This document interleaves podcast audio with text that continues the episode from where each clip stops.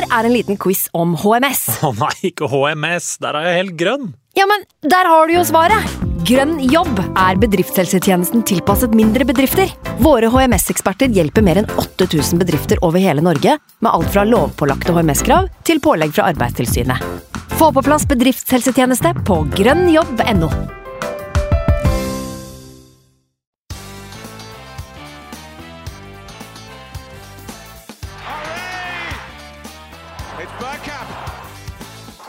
Now! The next station is Arsenal. Hjertelig velkommen skal du være til en splitter ny episode av Arsenal Station med Sivert Skarstein Eriksen og meg, Simen Goffeng. Oraklet Magnus Johansen har gyldig fravær i aften, eh, men vi skal gjøre et skikkelig forsøk på å servere en vettug postmatch-episode likevel, Sivert. Eh, Etter det som var et eh, London-derby, det var tøff bortebane, det var tre dager etter langtur i Europa. Vissheten om at City hadde lagt press på oss. eh, Vi var vel egentlig forberedt på nok en runde med neglebiting og HLR før den kampen her, var vi ikke det? Jo, jeg var litt redd eh, innledningsvis, men det viste seg jo å være, være null problem. Eh, Vi hadde jo en sånn eh, fake skadekrise, får vi si. Arteta hadde tulla litt med oss eh, før kamp, så jeg ble litt roligere da laget kom ut. Og det, det viste seg at eh, det var ikke noen grunn til bekymring, for det var jo full, full fyr på alle sylindere. Ja, egentlig allerede i, går kveld, altså lørdag kveld, så var det vel Charles Watts som var ute og meldte på Twitter at uh, Trossard uh, var med i troppen. Uh, Ødegaard var vel sånn sett også bekrefta med, uh, som har vært småsyk og holdt seg unna sportingkampen. Og så var det jo Gabriel Jesus, da, som det var spørsmål rundt om også skulle være involvert. Og, og når du som sagt ser eh, troppen en time før kamp der og ser at Jesus er tilbake på benk, da var det et lite halleluja, eller? Ja, det var det, Du blir religiøs av mindre, for å si det sånn. Eh, det var jo helt fantastisk. Og ja, vi skal jo ta kampen litt kronologisk, men han kom jo innpå og så jo utrolig sharp ut. Så det er veldig, veldig betryggende inn mot, eh, inn mot de elleve siste nå, pluss Europa. Så trenger alle mann. Alle mann til pumpene. Yes, nei, vi skal, eh, vi skal prøve å si noe fornuftig, som sagt. Eh, Magnus, som jo er eh, orakelet i den poden her, på alle måter. Eh, Jeg vet ikke akkurat hva han holder på med, men viktige saker var det. Så tallene de har vi prøvd å dykke litt inn i, Sivert. Og de skal vi prøve å få servert på en ålreit måte. Og så, og så tar vi vel for så vidt eh, og snakker oss bort i kjent stil uansett, vil jeg tro, selv uten Magnus. Garantert. Vi pleier å være ganske gode på det, nemlig. Vi klarer det. Uansett, Ja, nesten. vi gjør det. Og det er klart at eh, når du eh, på en måte har eh, spilt mot Palace borte, Brentford borte, Spurs borte, Chelsea borte, og nå møter Fulham borte, alle London-lagene, og ikke slipper inn en eneste forbanna goal, da må det være lov å, å være litt positiv og prate om det, og, og, og prate, om, prate om det som, eh, som skal komme de neste to månedene, for det blir et satans race. Det blir slitsomt. Altså Når du nevner den rekka der med London Derbyer, så kan vi bare legge til at det var jo da altså første gang gjennom historien at uh, noen London-lag gikk gjennom uh, en hel rekke med bortekamper uten å slippe inn, uh, inn fem på rappen. Så for- å si det sånn, det, skal, det er verken første eller siste gang Miquel Artetas Arsenal skal knuse en rekord. Eh, om to måneder så kan vi bli det yngste laget til å noen gang vinne Premier League. Så hva var det du sa nå? Jeg trodde ikke du tok sånne ord i munnen din omtrent. Nei, men vi, vi gjør det jo ikke, selvfølgelig. Mane til litt anti-jinxing her før vi begynner å, å kaste oss i Nei, Det er skummelt vet du, når vi begynner å bli litt høye her. Nei, men jeg skal være ærlig. Hver seier føles ikke bare som en seier nå. Eh, det, ligger, det er noe ekstra ved det. Og eh, jeg tror fortsatt City tar det, men fy faen, den reisen her er gøy å være med på. Altså. Ja, men altså, så Nå skal vi snakke mer om kampen, men når du får den City-matchen i går Du satt jo og så den. Eh, Jeg var i hyggelig lag, så jeg hadde ikke muligheten til å, å bruke noe tid på den. Det var jeg egentlig glad for når jeg ser hvordan det ender. Men eh, altså, nå, nå hørte vi jo noen rapporter om at United satt og fulgte med på Arsenal-Bournemouth eh, for en uke ti- tilbake her, og fikk seg en slags psykologisk knekk når Arsenal eh, går inn og, og vinner den på slutten. da. Eh, og dagen etterpå vinner 7-0. Altså, dette her er jo litt søkt å dra den sammenligningen, kanskje, men så sitter jo sannsynligvis også Arsenal-gutta og følger litt med på det som skjer på Sellers Park på lørdag kveld. Og så har jo tross alt Palace forsvart seg relativt godt, har jeg inntrykk av, da. Før Utrolig godt. Olise, er det vel? Michael Olise. Uh, rett og slett kaster bort alt. Uh, så skal vi selvfølgelig ikke glemme at City er ganske gode til å gjøre maks ut av sånne situasjoner heller. Men med det i mente så kunne du tenkt at ok, her har Arsenal sikkert satt og håpa veldig da, på et par ekstra muligheter for poeng man drar ifra, og så får man ikke den. Og så går man allikevel ut og bare herjer med Fulham på den måten vi gjør i første omgang. Det er imponerende. Det er veldig imponerende, men eh, dessverre så er det det City gjør. De, de setter alle kluter til og, og, og graver fram et resultat. Mm. Det er det som kjennetegner et seierslag, og det er det vi har gjort denne sesongen her.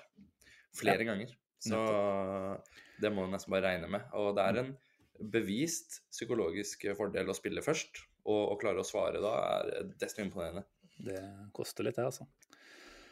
Vi skal det prate det mye. Sånn i dag. Nei, det så ikke sånn ut.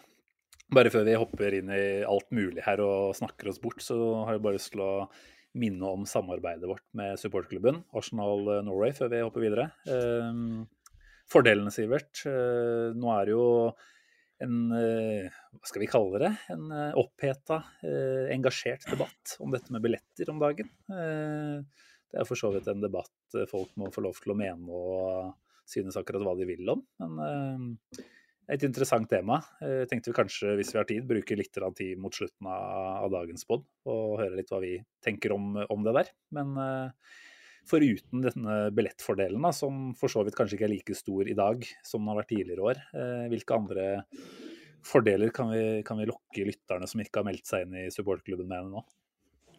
Eh, den største fordelen slik jeg ser det, som jeg har nevnt flere ganger, er bare det å være medlem. Går akkurat i dag og si at du er medlem. Få meldt deg inn i Arsenal Norway på Facebook. Diskutert eh, For det er ikke bare oppheta diskusjoner der, nemlig. Det er mye analyser, stemningsrapporter, bilder, mimring. Eh, det er, det er bra forum å være med i, som du ikke kommer med i uten å være medlem. Så er det tilbud på, på fotballbutikk.no, prosenter der hvis du vil ha årets drakt, og The Gunners Post. da. Så det er, det er, en fin, fin supporterklubb. Altså. Og det er veldig, veldig mye som skjer, eh, mye trøkk rundt den om dagen. Så de, de, gjør en bra jobb, fortjener medlemmer. Virkelig. virkelig. Jeg vet ikke akkurat hva oppdaterte medlemstallet er per i dag, men vi vet jo at vi har bikka 7500. Eh, så det begynner å bli respektabelt, må man kunne si. Det er ikke så dumt. Det er ikke så dumt. Ja, men bra. Eh, hopper vi videre. Er det riktig å starte med at vi hadde en kjendis på tribunen i dag, eller? Jeg syns den var litt artig. Med den eh, Dilf-capsen. det er jo åpenbart eh, noe som stemmer, da, med tanke på hvor mange barn han er. han satt der vel med yngste sønnen sin òg, som hadde Arsenal-caps på seg. Det er jo sånn man blir litt glad av. Ja, det er jo Top Gunner, det, begge to. Vi snakker da om Mick Jagger, selvfølgelig. Jeg regner med at alle som har sett kamp, har fått med seg det. Uh, ja, faen, jeg nevnte jo ikke det. Ja, Han er jo Arsenal-fan selv òg, eller? Jeg mener jeg har lest og hørt det tidligere. Jagger er top gunner, han. Uff, det er rått. Sitter der i hytta på Craven og følger med. Det er jo lett å dra noen Man får jo litt lyst nesten til å dra noen dårlige sammenligninger eller uh, referanser uh, med tanke på at Jagger er på tribunen. Uh, Moves like Jagger. Det er vel ikke hans sang, men Maroon 5, som ikke jeg for så vidt er så veldig fan av. Men det er vel noen, noen moves ute på banen i dag som sånn sett æret Jagger ganske så bra. Ja, det var løst og ledig, og sam samspillet fløyt og satt så til de grader i dag, ass. Så mm. vi snakka jo litt i, i, chatten til meg, deg og Magnus, og sammenligna det litt med, med, Brentford borte, hvor vi egentlig bare har mm. satt på cruisekontrollen i 90 minutter. Mm.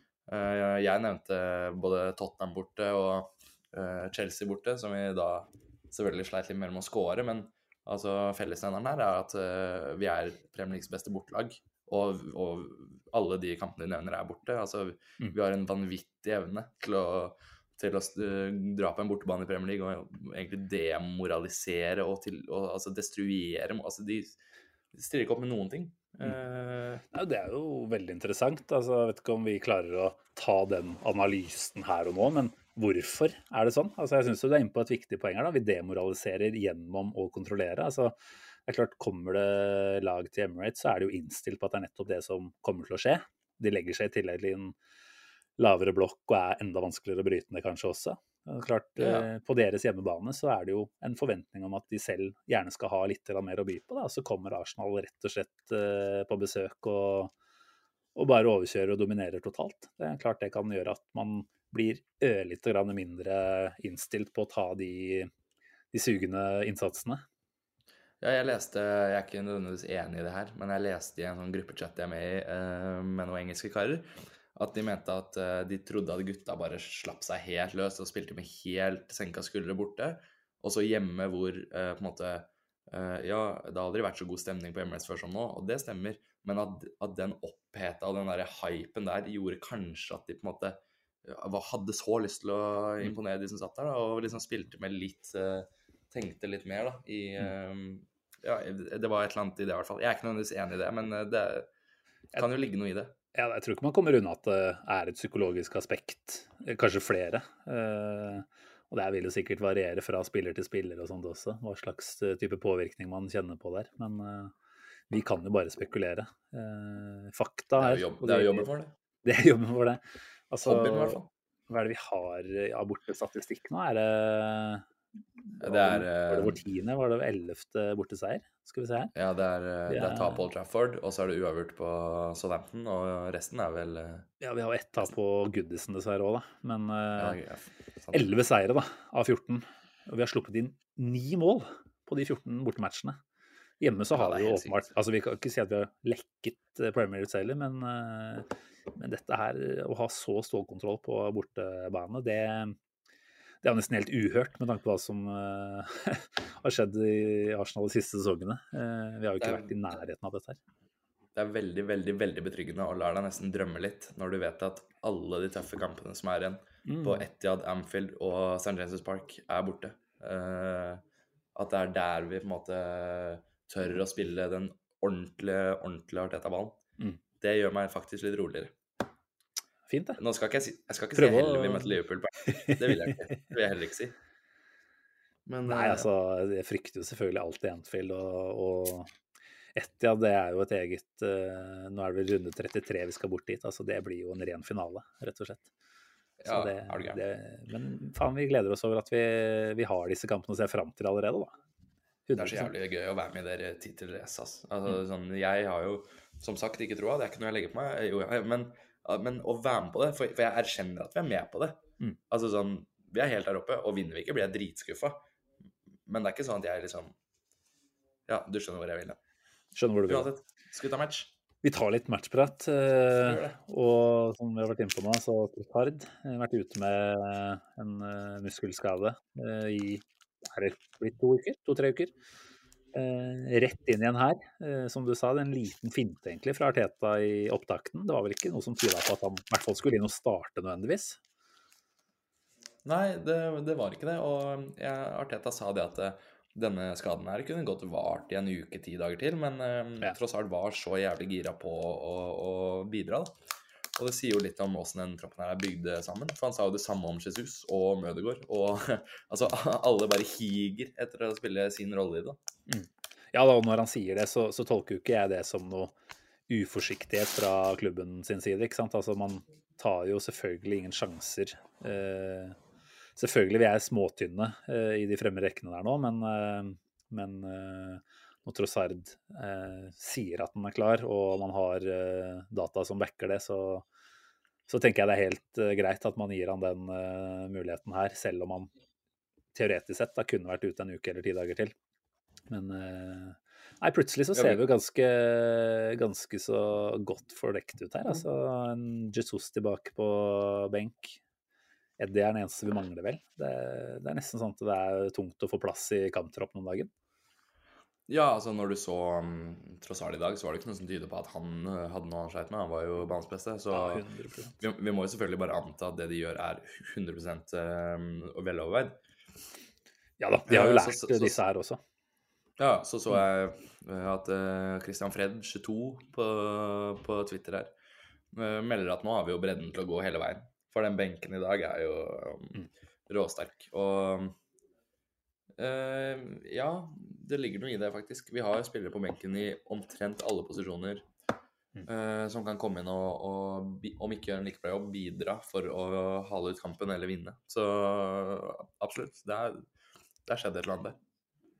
Ja, virkelig. Nei, altså Vi får bare ta det med en gang. Eh, Magnus som ikke sitter her, han har vært en eh, fremsnakker av Trossard. kanskje mer enn noen. Ikke at man har sittet her og vært anti-Trossard på noen som helst måte. Men eh, For vi var jo ganske tydelige da vi fikk han på at eh, det er en god signering for inneværende sesong, definitivt. Men eh, Ja, at man får inn en som er så anvendelig da, og klarer å forstå Arteta-ball og forstå sin rolle i det laget her. Vi ser hvordan Martinelli også nå, ikke sant? med en gang Trossard kommer inn, også blir koblet på på en helt annen måte. Eh, skal gi Arteta mye skryt, så får vi gi Magnus litt skryt her fra sidelinjen, som, Ja, som det eh, så dette her på lang avstand. Vi har jo en podkast som der er ting er spilt inn. Det er umulig for oss å ljuge i ettertid. uh, men jeg sa vel det at um, Trossard, flott signering uh, de neste seks månedene for å få oss uh, over linja. Og Liverpool gjorde det samme, henta Shakiri eh, fra Stoke. Og folk tenkte sånn Å, herregud, det ble sånn underwhelming for de. Og det ble det for meg òg, for jeg ville ha 100 millionspiller i Mudrik, selvfølgelig. Men uh, Shakiri spilte sin rolle for de og vant eh, Premier League og Champions League. Mm. Og tross alt går inn å få målpoeng uh, Altså målpoeng på fat for oss. Så altså Utrolig bra signering. Men det var litt sånn underwhelming da det skjedde. Men uh, herregud, det er jo takker og bukker. Og alt som er, for han er jo helt sinnssykt god. Ja, Jeg tipper at det ikke er siste ord om Trossard i den poden her. Vi skal vel ta, ta den godt eh, underveis her òg. Ja. Men la oss starte med starten, da. Altså Nå så jeg faktisk ikke de første 15, da, så jeg vet ikke om det var noe spesielt som skjedde der, foruten denne annullerte skåringa. Uh, I så fall ikke, så kan vi hoppe rett dit. Eh, det var jo Nei, da det var, det, det var vel det første, ja. første høydepunktet, liksom. Eh, Mm. som spiller gjennom eh, Martinelli på venstrekanten, som har gått litt tidlig. Eh, det var vel kanskje mulig å se uh, umiddelbart. Så tar du da disse velkjente tre minuttene da, før VAR har gjort eh, jobben sin og, og trukket eh, linjene som skal til. Eh, da gikk jeg og kjente litt på at mm, da For vi hadde vel hatt en ganske ålreit uh, inngang på kampen, forstår jeg det som. Og frykta liksom at ok, her får uh, Fullham den lille boosten og den lille pausen de trenger for å, for å komme, få Arsenal ut av rytmen, da, rett og slett. Eh, så går det jo allikevel ikke mer enn to minutter etter at vi har satt i gang igjen, før eh, første ball er i nettet. Og Nei. den er jo en dødball, men eh, forspillet før den dødballen er jo absolutt fint. Jeg skal være ærlig, så um, de første ti minuttene var litt sånn ta og føle på. Og, og jeg syns at uh, Martinelli så litt pigg ut, men han derre Kenny Tete, han høyrebekken til Fulham, som jeg syns har vært ganske god de gangene jeg har sett Fulham denne sesongen. Mm. han syns jeg egentlig hadde uh, ganske god kontroll. og jeg, synes, jeg tenkte, jeg rakk å tenke i løpet av de første åtte minuttene sånn her, å, dette, det, det, dette blir litt tøft, liksom. Men så kom jo det der Arsenal-maskineriet her, da. Uh, Sjaka Martinelli, greit. Uh, heldig. Og det er offsiden er klar, så jeg gidder ikke bruke så mye tid på den. Eh, men igjen så kommer denne Spillet sitter så utrolig godt i dag, og de kombinasjonene som eh, får fram uh, corneren og Altså, det var giftig i dag. Det var ikke noe tvil om at uh, dette ble lange 90 minutter for Fulham. Jeg er jo så imponert over eh, måten vi kommer ut her på og er uh, altså Jeg vet ikke om man skal liksom snakke ned Fulham eller opp oss. Jeg tror kanskje vi som Arsenal-podkast skal gjøre jobben med å hylle Arsenal. Vi Men kommer jo ikke unna at eh, Fulham spiller uten Palinja her, som er ute med gule kort-suspensjon. Og det Altså- Altså Jeg vet ikke om vi skal på en måte si at det er det som avgjør, men, eh, men de henger jo ikke sammen, eh, slik som vi kanskje har lært dem å kjenne, da, Fulheim. Så at det etter hvert blir en enkel eh, jobb å spille de ut, det, det kan vi på en måte ikke underslå. Men jeg tror det handler vel så mye om tempo og presisjon i det Arsenal holder på med i dag. fordi alt satt, liksom. Det var én- og ett- og to-touch-spill veldig mange ganger, og det aller meste satt der det skulle. Og da, da er vi umulig å spille mot. Da. Nei, men skal jeg være ærlig, du sier snakk opp Arsenal eller uh, ned Fulham. Jeg har lyst til å gi litt kreditt til Fulham. De prøver, altså, uh, dette er en kamp som passer oss mye bedre uh, enn uh, Everton, enn Mm. eh, Newcastle i kampen her, fordi Fulham prøver å spille fotball. De, de prøver å kombinere, de prøver å få til et eller annet, de prøver å holde ballen litt i laget. Og beklager, men mot Artetas Arsenal i 2023, så det, det går ikke. Vi sitter her og er eh, frustrerte hver eneste uke for åssen eh, Newcastle prøver å nulle oss ut, åssen Everton prøver å nulle oss ut, og, og, og, og det greiene der. Men, Mm. men det, er sånn, det er sånn du tar poeng på oss. Altså, prøv å spille fotball mot oss, så, så går det ikke uh, i det hele tatt. City prøvde på det, og vi var bedre enn City. Mm. Uh, ja, de vant selvfølgelig, men det er unntaket som bekrefter regelen. Så egentlig uh, Altså, Fulham holder seg i Premier League og gjør en jævla bra sesong. og ja, jeg bodde jo i Fulham. Jeg liker Fulham veldig godt. Men, og så hatten av til de for at de prøver, men de møter det beste laget i England. Altså, nå har vel Fulham vært kjent for denne sesongen her å ha et effektivt høyt press. Eh, og vi så jo at de prøvde på det i starten av kampen også. Eh, Kjernås var inne på det i pausen, at de, de står høyt. Eh, kanskje ikke med tilstrekkelig intensitet, men de, de låser jo av party på en ganske så effektiv måte i starten. Da. Eh, hvilket jo da fører til at Trossard eh, i neste omgang kobler seg på på en helt annen måte enn det Enketia ikke for å snakke ned Enketia, så vi, bare har det klart, men Trossard evner å koble seg på på riktig måte og blir outballen vår, faktisk, i noen av de tilfellene der. Og, og Ja, gjør at vi klarer å spille oss ut. Så, så altså, nok en gang da, så viser jo den gjengen til Arteta at når det stilles noen spørsmål, så, så har man gjerne et nytt svar på det. Eh, det er liksom alltid en, eh, en ny joker som eh, dras opp av hatten. Eh, nå var det jo litt andre forutsetninger forrige helg, men da var det Nelson. Eh, I dag kommer Trossard inn, og nå har han gjort denne jobben her et par ganger tidligere eh, etter at han meldte overgang. Men, men måten han gjør det på i dag, den står til ti i stil, altså. Eller 20 etter det, kanskje. Ja.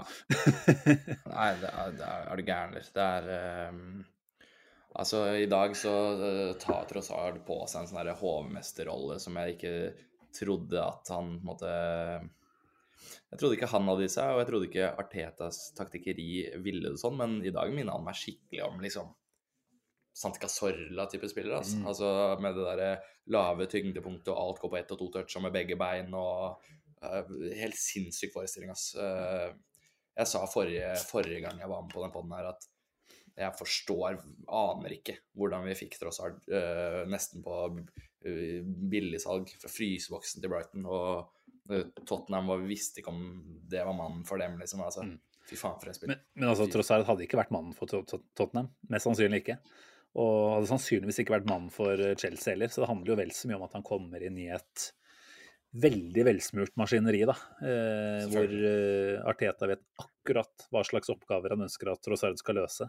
Og da er det klart det er lettere å være fotballspiller også, når du får eh, tydelige arbeidsoppgaver. Så ja da, vi, vi har vært flinke til å hylle spillerne, og vi har jo vært flinke til å hylle Arteta. Og nok en gang så må man jo bare ta av seg hatten for eh, Arteta, som klarer å gi spillerne akkurat de beskjedene og de oppgavene de, de behøver for å få til dette her.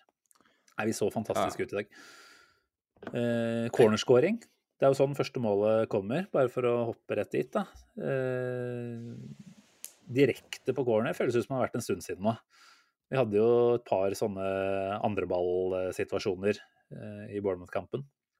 Men en direkte scoring eh, rett fra corner, det, det føles ut som en eh, virkelig lengre periode siden. Så kanskje ikke overraskende det er Gabriel som, eh, som bjuder på heller. Nei, både Gabriel og Saliba river seg løs der, og um, når um, Det er jo på en måte um, fi, fire meter og 100, og- ja, 200 kilo mannfolk, liksom, som, uh, som skal uh, hanskes med i boksen her, og det er ikke lett for, uh, for Nordlaga. Så når den blir slått såpass bra, tross alt, så, så er den jo nesten ferdigskåra, egentlig. Uh, og det er jo Vi har jo sett litt shake ut bakover på dødball eh, siste ja, fem-seks matchene. Flere uker, egentlig. Ja, ganske lenge, egentlig. Så, og vi var jo redd for det, for Fulham er jo det laget i Premier League med flest eh, dødballskårer, eh, dødballmål. Eh, hvis ikke jeg leste helt feil. Eh, Men det stemmer, det. De Ja, så, det, så å, å på en måte få Altså, da er det ikke noe utrygghet noe sted, da.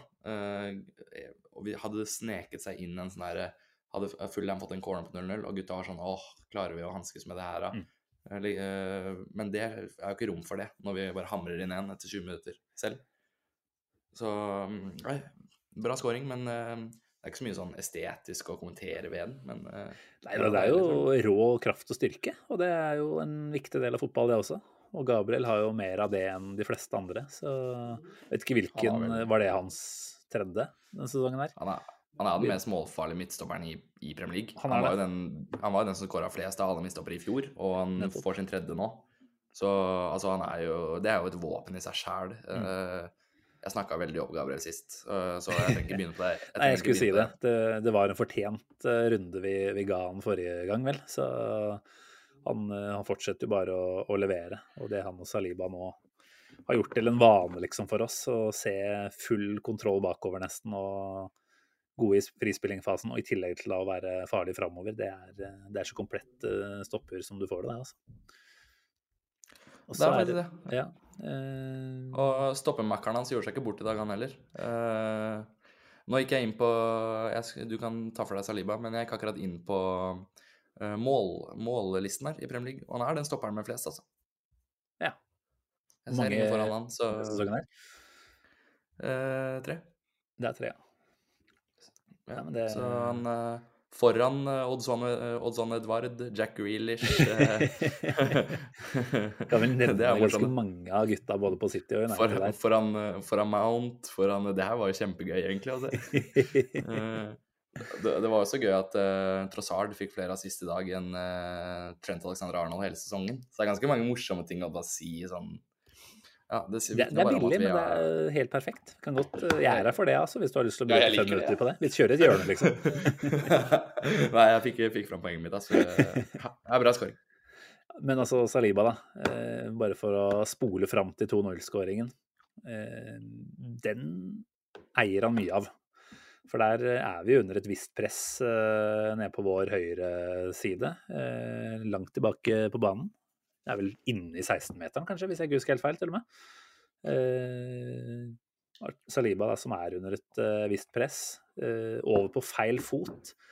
Bare klasker ballen. Altså, nå har han jo skåret et ganske greit mål med venstre denne sesongen, her, så det er ikke sånn at vi, vi blir ikke overraska over at han har en venstrefot. Men eh, Ja, Brentford at han da Brentford bort Nei, Bournemouth borte, ja. Riktig. Der klaska han. Eh, Men den, den ballen han sender ut der, som vel havner da til ja, Husker jeg ikke akkurat, jeg. Er det, er det Sjaka, kanskje? Sjaka, det er Sjaka.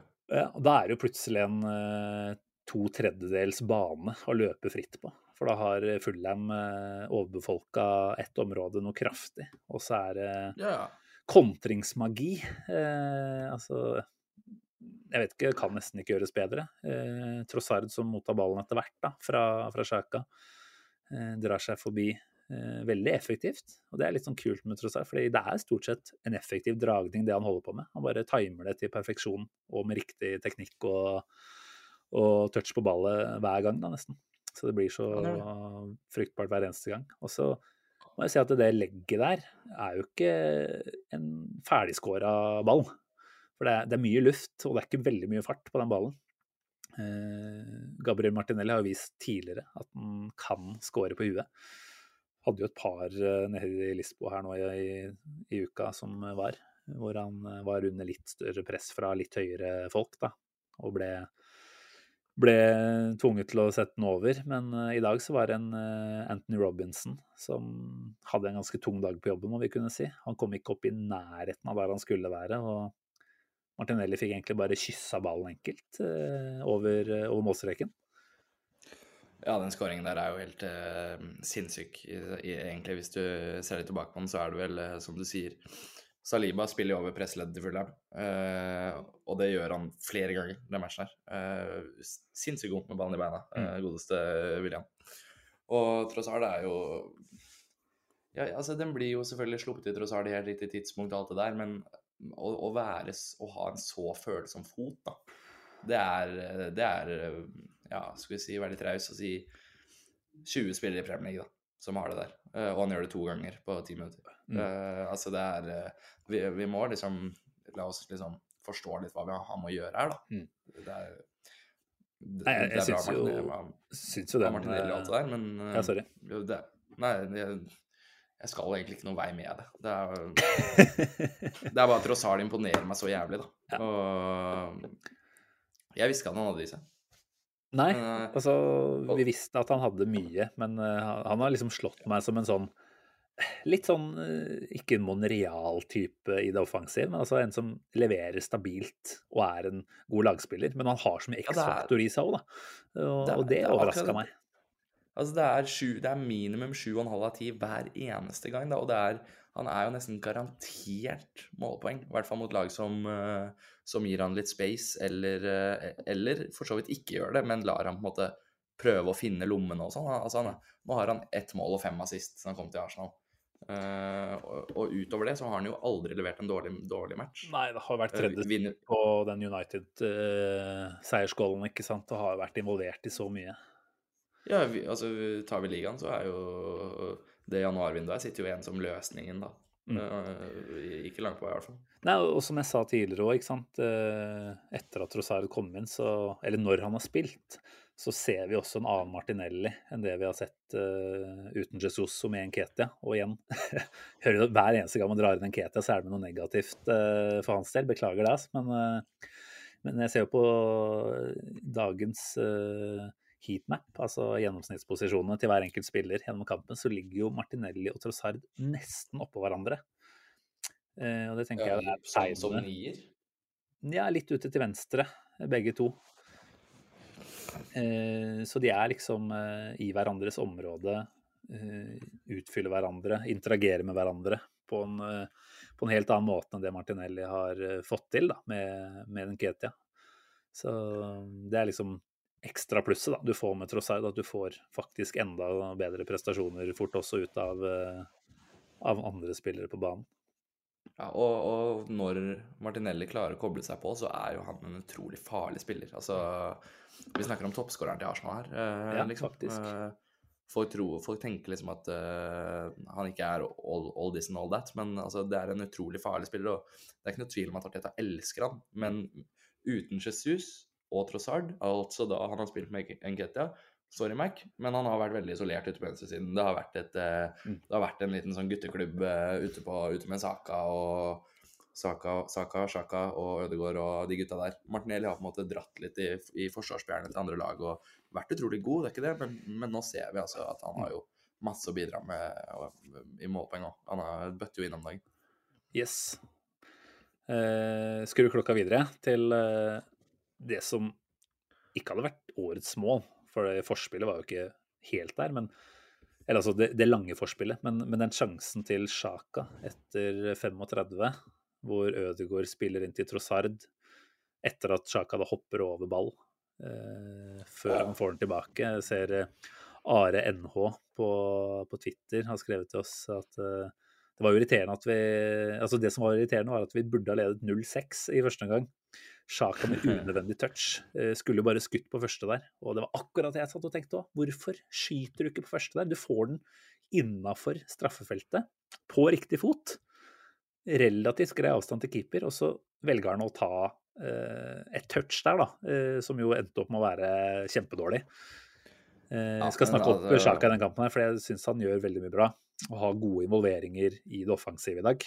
Men akkurat den, den skjønte jeg ikke, og det var synd, for det hadde vært en drømmegoal. Det var jo en dritgod match av Sjaka, men eh, ja, i de posisjonene der så ser du at han er eh, en eh, sånn grovarbeider midtbanemann mm. av en grunn. Og ja, det kom jo litt brått på han, og jeg, jeg skal unnskylde ham for det. Men selvfølgelig synd, for det Ødegård, Trossard og Sjaka gjør der, det har magi, selvfølgelig. Det er det, det, er- det, du får med, det det du får med Trossard. Spill Trossard ballen og få ballen tilbake. Det er jo fotball-ABC om dagen, det. Det, Det, det er det, jeg mener. Jeg, Ja. Nei, jeg, jeg sammenligner han med, med Casorla, og Mm. du hadde jo fått ballen tilbake fra Casorla der òg, for å si det sånn. Altså, det er, altså sånn han, han, er, han, han, ser, han ser de mulighetene der, og agerer fort på det. Han, eh, altså, det er instinktivt i han. Mm. Det, eh, jeg må legge fra meg Trossard nå, for hvis ikke blir det jævla, jævla kjedelig å høre på. Men eh, nei, fy faen for en match. Altså, det er nesten rart at det er så sjelden man ser akkurat det der. Eh, Det er et overhopp som da finter ut eh, helt, og være, igjen på, være med igjen på, på neste ball der. Det er jo så mye vanskeligere enn det ser ut som. da. Det er jo to, to lag i Premier League som gjør det.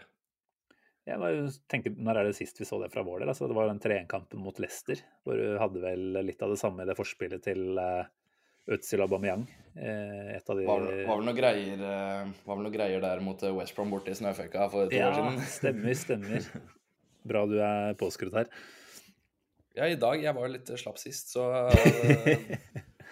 eh, nå er jeg oppe og nikker igjen, jeg, altså. Det er fint, det.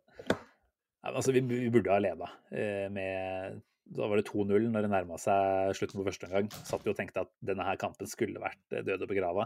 Det er kriminelt av oss ikke ha i hvert fall satt en til. Eh, City vinner jo bare 1-0 dagen i forveien, og vi er jo noen eh, plussmål bak fortsatt. Tenkte jo egentlig mot Bournemouth at det var matchen hvor vi skulle hente inn igjen noen av de. Det skjedde jo ikke. Når vi da får Det er vel enda en stor mulighet, faktisk, eh, som Trossard har eh, også. Eh, hvor han avslutter ut mot Eller utafor med venstrebeinet sitt. Og da, da begynner Ja, så er det vel enda en til. Sitter og scroller til Martinelli òg. ja, ikke sant? Når Ben White legger inn der. Eh, Martinelli helt fri på bakre stolpe og treffer jo ikke ballen så rent. Da, da skulle det liksom stått 0-5, da, egentlig. Så da er det Ja, men, litt, eh, litt tungt å være Arsenal og gå til eh, pause på 0-2. Men det gjør vi jo ikke. Vi gjør ikke det. Vi har jo um, captain. Ja, skal vi, Ja, er, skal vi ta og bare kose litt oss med, med den også, eller? Det var ikke, det var ikke gærent det som skjedde der heller. Ja, det er jo min gode mann uh, Leo. Leo Trossard. Som uh, Leo Trossard gjør som uh, Leo Trossard kan. Legger den på silkefat og klar og nybarbert og, og medium eh, og alt perfekt. eh, alt perfekt. Legger den eh, Ja. Får til å røske i ja. trusa, så den nybarberte der, den, den passer inn. Ja, fy faen. Nei, det er jo så bra balla, tross alt. Men den er ikke ferdigskåra. Ødegaard tar en sånn herre First Price-versjon av Øsil mot Ludogores og venter ut to forsvarere. og, og setter den i goalen, selvfølgelig. Og det er jo Da er jo Ødegaard oppe på tosi- tosifra antall Mm. Premier League-mål, han òg. Så Han ha flere spillere, Da er ha flere vi spillere oppå det er jo ikke det dummeste jeg har hørt. tre stykker der. Eh, og det er vel første Vi var jo første klubben som hadde to spillere på tosifra. Og nå har vi tre som er på tosifra, og det er jo også ingen andre som har, eh, har ennå.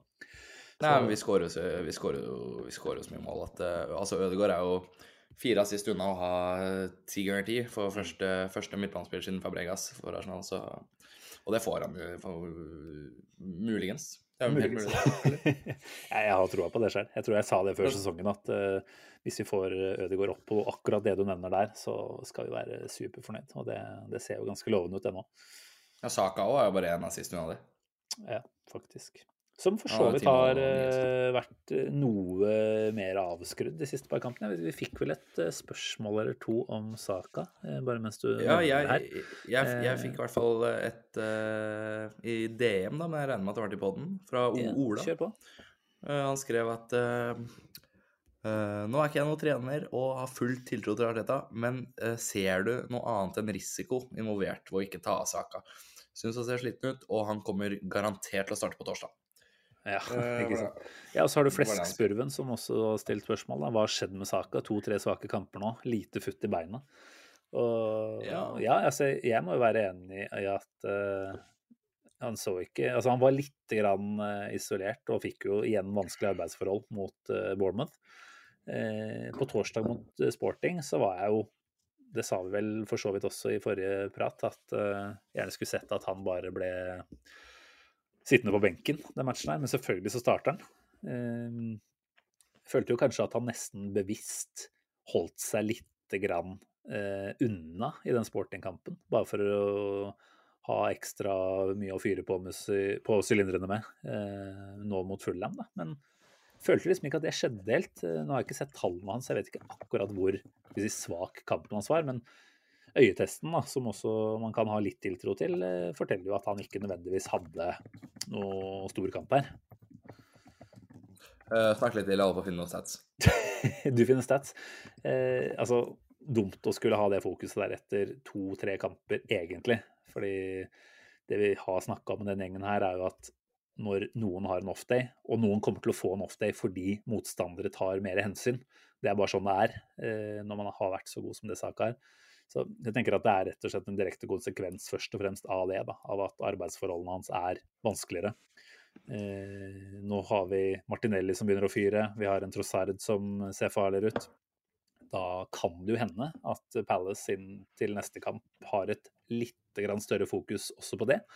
Hvilket kan bety at eh, Saka får eh, snillere arbeidsforhold igjen. Da. Hva, hva sier tallene? Ja.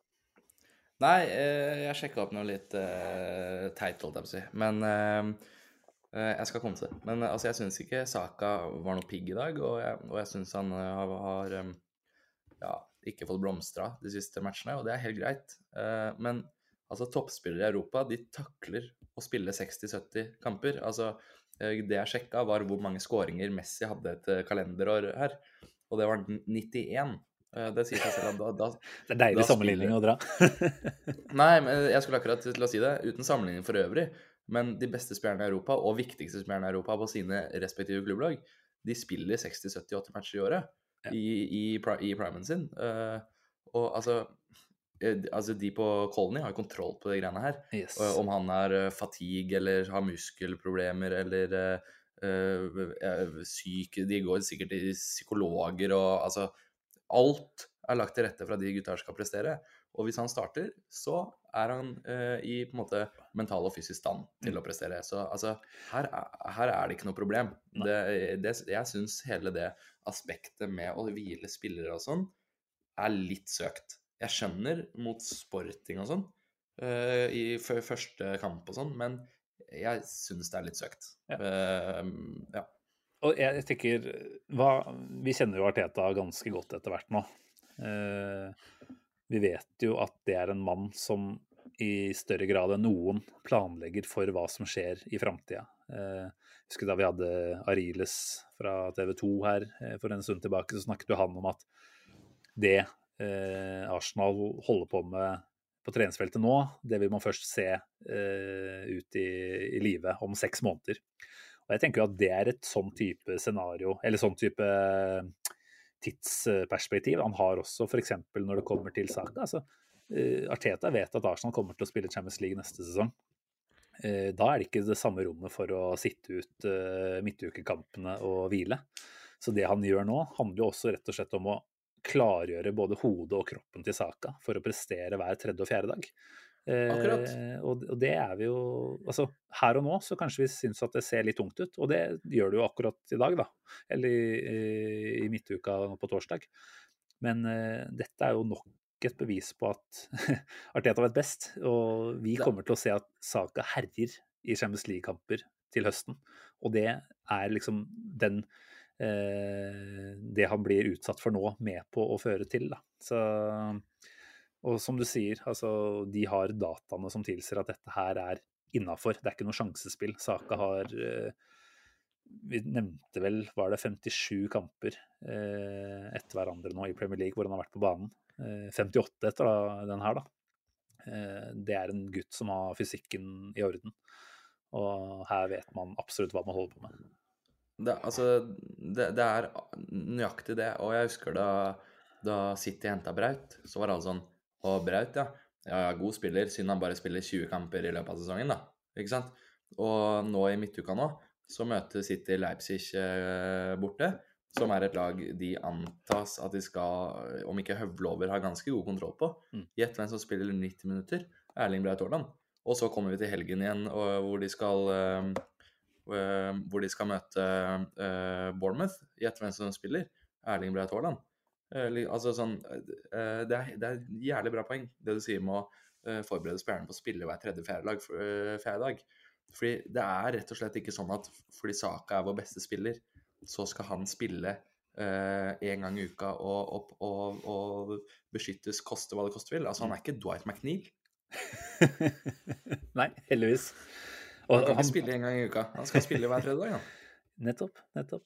Og han blir vel tatt av i dag òg, etter 70, så det er jo ikke sånn at man ikke hviler. Eh, at... Nå var det ikke meningen å slakte det spørsmålet, for det er legitimt. Ja, ja, for all del.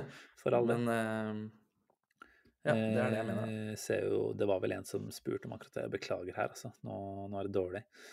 Eh, det var vel Jonas eh, Lundsvold som for så vidt påpekte at vi gjerne kunne bytta enda litt tidligere. Selv om man også er ute for å, å gi creds for at det byttes. Det byttes vel fem i dag, gjør det ikke det? Det er vel ikke Jo, vi- hverdagskost jo- under Arteta det at vi benytter oss av alle.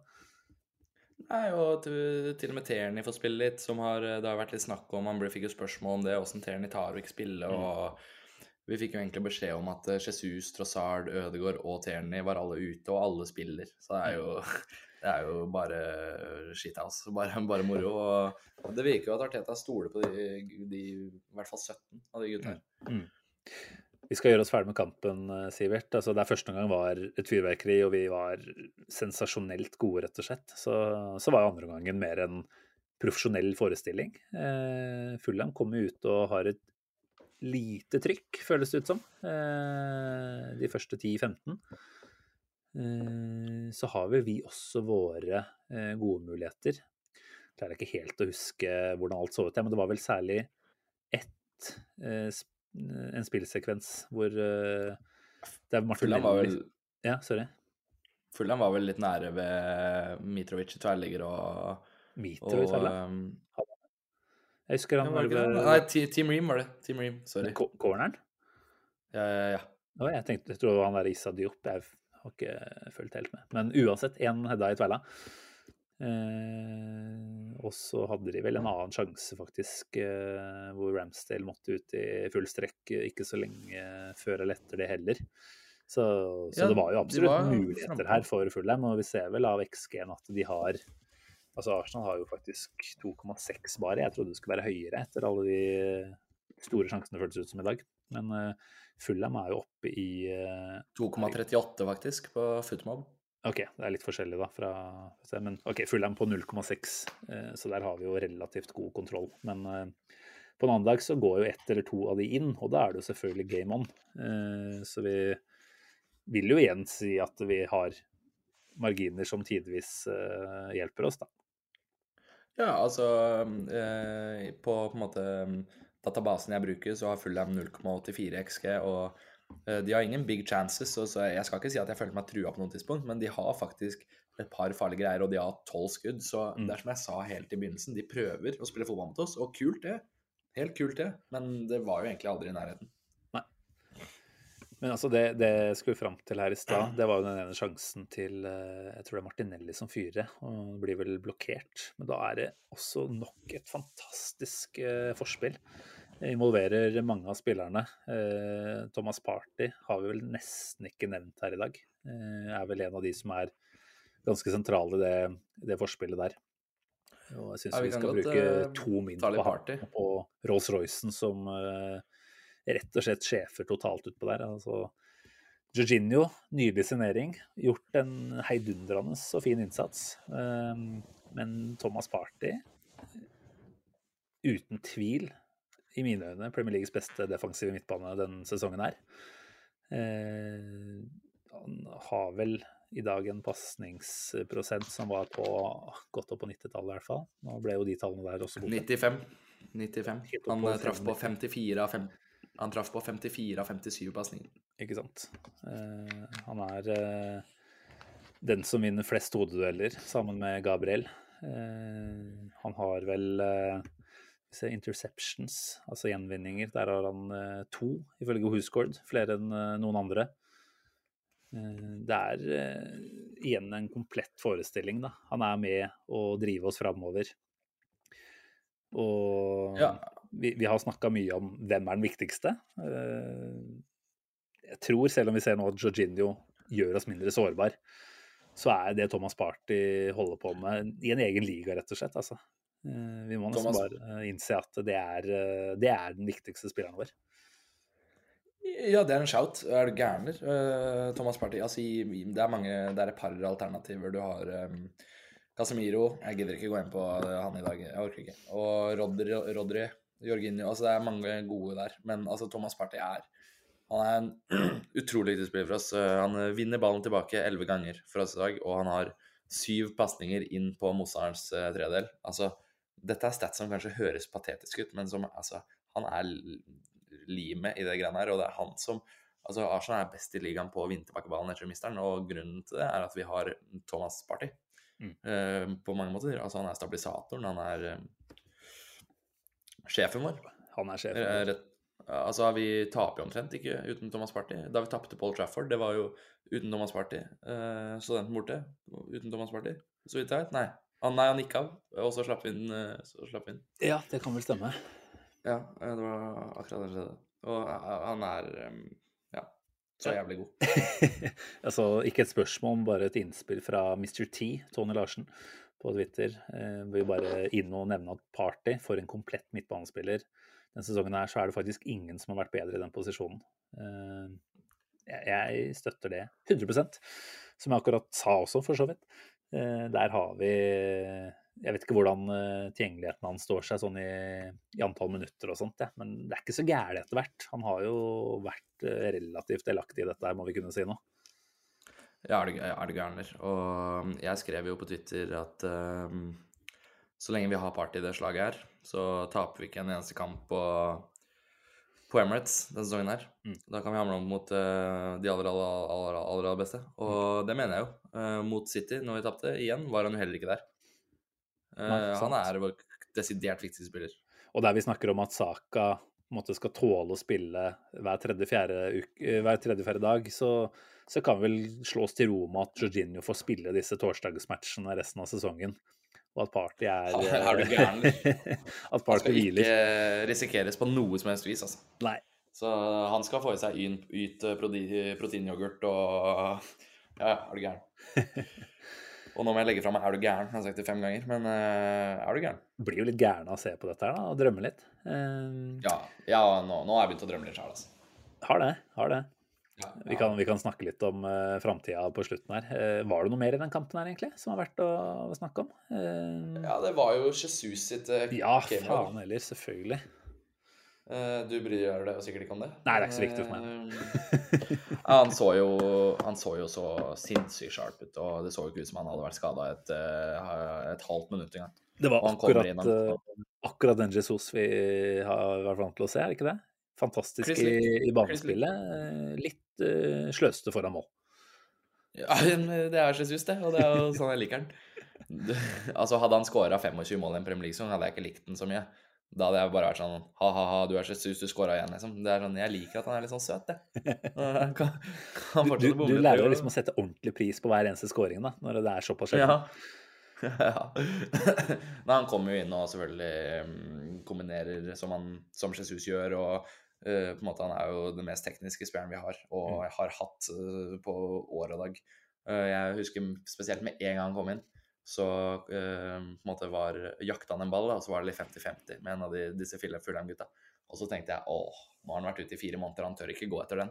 Og så bare tar han og vipper den over foten. eh, til han godeste karen og kombinerer 1-2 med noen karer. Og, nei, og, og hvis han skal komme inn og spille i det kjøret der eh, fra start nå de neste elleve matchene, da er det Beck, sorry, men da er det umulig å ikke tro at han kommer til å, kommer til å leve helt inn. Det er så deilig å høre. Ah, ok, du modererer deg bitte litt der, ja. Ja, for vi kommer til å sanke mye poeng. Det skal, vi skal fortsatt spille om over 30 poeng, Simen. Men, eh, men med Jesus der, så, så, så gjør vi det på andre premisser. Altså. Rett og slett så ærlig må vi være. Jeg liker Enketia, og jeg syns både Trossard og Martinelli har vikariert godt. og Det er ikke det det handler om. Han er en helt annen spiller. Altså bare ta et par innspill her. Stian Børling eh, skriver veldig enkelt og greit. Eh, perfekt kamp, full kontroll, ingen skader. Jesus tilbake. Herregud, så deilig. Nå håper jeg Jesus kommer i kanonform så fort som mulig. Eh, og så har vi et spørsmål Ja, fra. Fredrik Heierstad. Han viser jo at han er det. Fredrik eh, Heierstad som spør eh, nå som Jesus er skadefri, hvem skal vi ta ut? Blir det Martinelli eller Trossard? Eh, hva tenker du der? Ingen, av, ingen av de nødvendigvis. Skal ikke ta ut noen og si sånn 'nå er du tatt ut'. Nei, og ikke sant? Men, det er jo starten? veldig viktig, og det har vi vært innom mange ganger denne sesongen, er at det funker ikke sånn uh, i Artetas øyne, tror jeg. Det handler ikke om å ta ut noen. Det handler om at til visse kampbilder og mot visse motstandere så egner den og den og den seg best. Og så handler det om å bruke, når man har en bred tropp som vi har nå, da, handler det om å bruke hele troppen inni hver kamp også. Og det, det tror jeg vi kommer til å se resten av denne sesongen her. At vi fordeler minuttene godt. Altså Veldig enkelt forklart, da. så har vi to kamper nå på Emirates mot Palace og Leeds. Eh, Palace, sånn jevnt over, forsvarer seg lavt, kompakt, er eh, oppe for duellen. eh, dobler opp der de skal doble opp, gjør eh, forberedelsene sine, eh, spiller for ett poeng. Mm. Det er det Palace gjør. Da føler jeg meg ganske sikker på at Trossard eh, spiller den. Finner lukene. eh, gjøre det Trossard gjør best. Slå disse silkepasningene som han gjorde tre ganger i dag, og treffe mann gang på gang på gang, og ha den der lille presisjonen som Martinelli ikke har. Martinelli på sin side, mye mer eksplosiv, dritgod spiller. Eh, mot et Leeds-lag som igjen prøver å spille fotball, gi, gi fra seg litt rom, litt å løpe i, kommer han til å starte Jeg kan godt ta feil i den antakelsen her, men at vi skal spille kamper i, i våres som passer begge to, eh, eller én av de, det er jo helt klart. Så det er jo ingen som skal tas ut her. Men at det er de to det står mellom i rotasjonsaspektet ved å ha Jesus tilbake, det er jo selvfølgelig klart. Det er det nok. Eh, Men så er det også så enkel eh, fysiologi, da, at eh, Jesus har vært ute i tre måneder cirka, er det ikke det? Faktisk. Det rakk å bli såpass. Det er en, bare en sånn Ja. liten grei ting å huske på når det kommer idioter fra andre lag og sier at ja, men Arsenal har jo hatt sitt beste lag tilgjengelig hele sesongen. Så vi har klart oss uten den viktigste angrepsspilleren vår, den som var katalysatoren i høst, har vi greid oss uten i tre måneder. Vi er i akkurat samme posisjon som før eh, Jesus fikk skaden sin. Nå er han tilbake. Eh, Jeg tror ikke vi kommer til å se noen rovdrift på Jesus de neste ukene, altså før landslagspausa nå. Nå er det jo bare Det er bare Palace, det. Også, altså Sporting og Palace, og så er vi jo på landslagspause.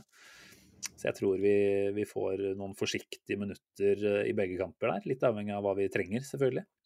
Og så får han et par rolige treningskamper og fine uker på Colony i, i landslagspause, og så er han ordentlig klar eh, når det drar i gang igjen i starten av april.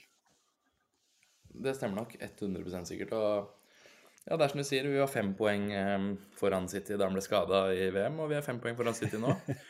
og både før og etter det så har vi hatt Party ute ved flere anledninger. Vi har hatt uh, Zinchenko var jo ute lenge. Ja. Han, eh, vi, Tierney spilte jo en, en måned der. Ehm, så altså, det pisset der, det gidder jeg ikke å høre på. Altså, at eh, vi har hatt noe sånn derre eh, Ja, vi har rotert minst i Premier League, men det er, det er fordi vi, har, vi er veldig satt. Mm.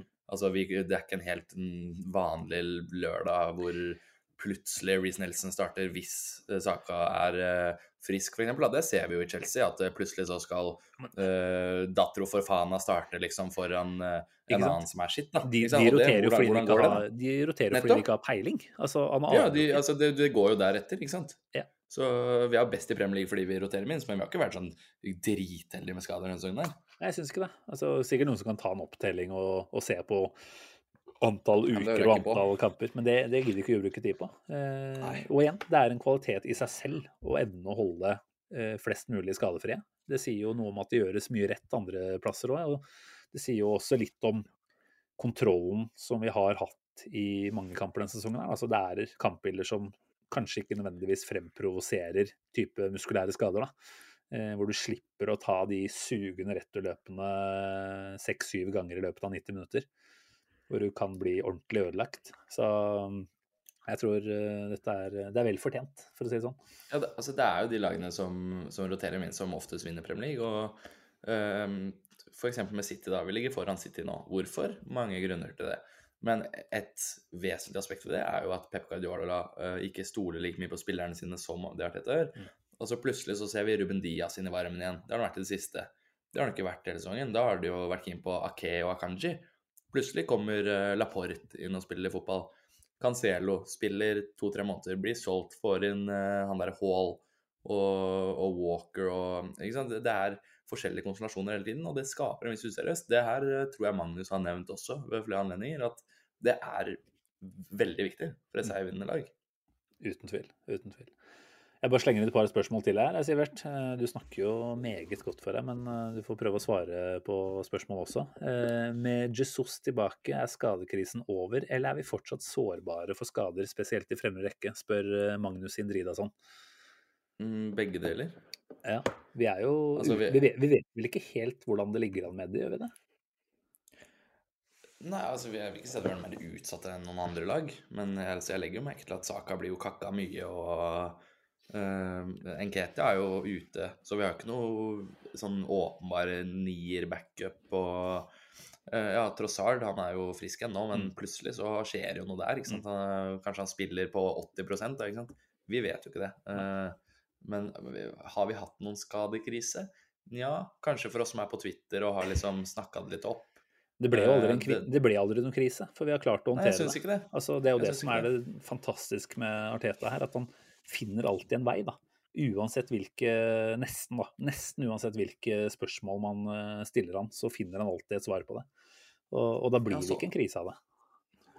Nesten litt utypisk Arteta. Uh, tidligere så har han jo vakla litt, men uh, denne sesongen her så treffer han jo på absolutt alt.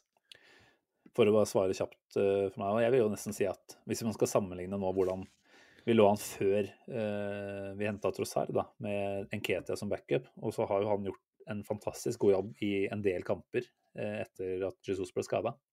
Men at vi nå på en måte egentlig står med Trossard som den neste Jesus-spilleren, den som kan komme inn der, det, det gjør at vi står sterkere.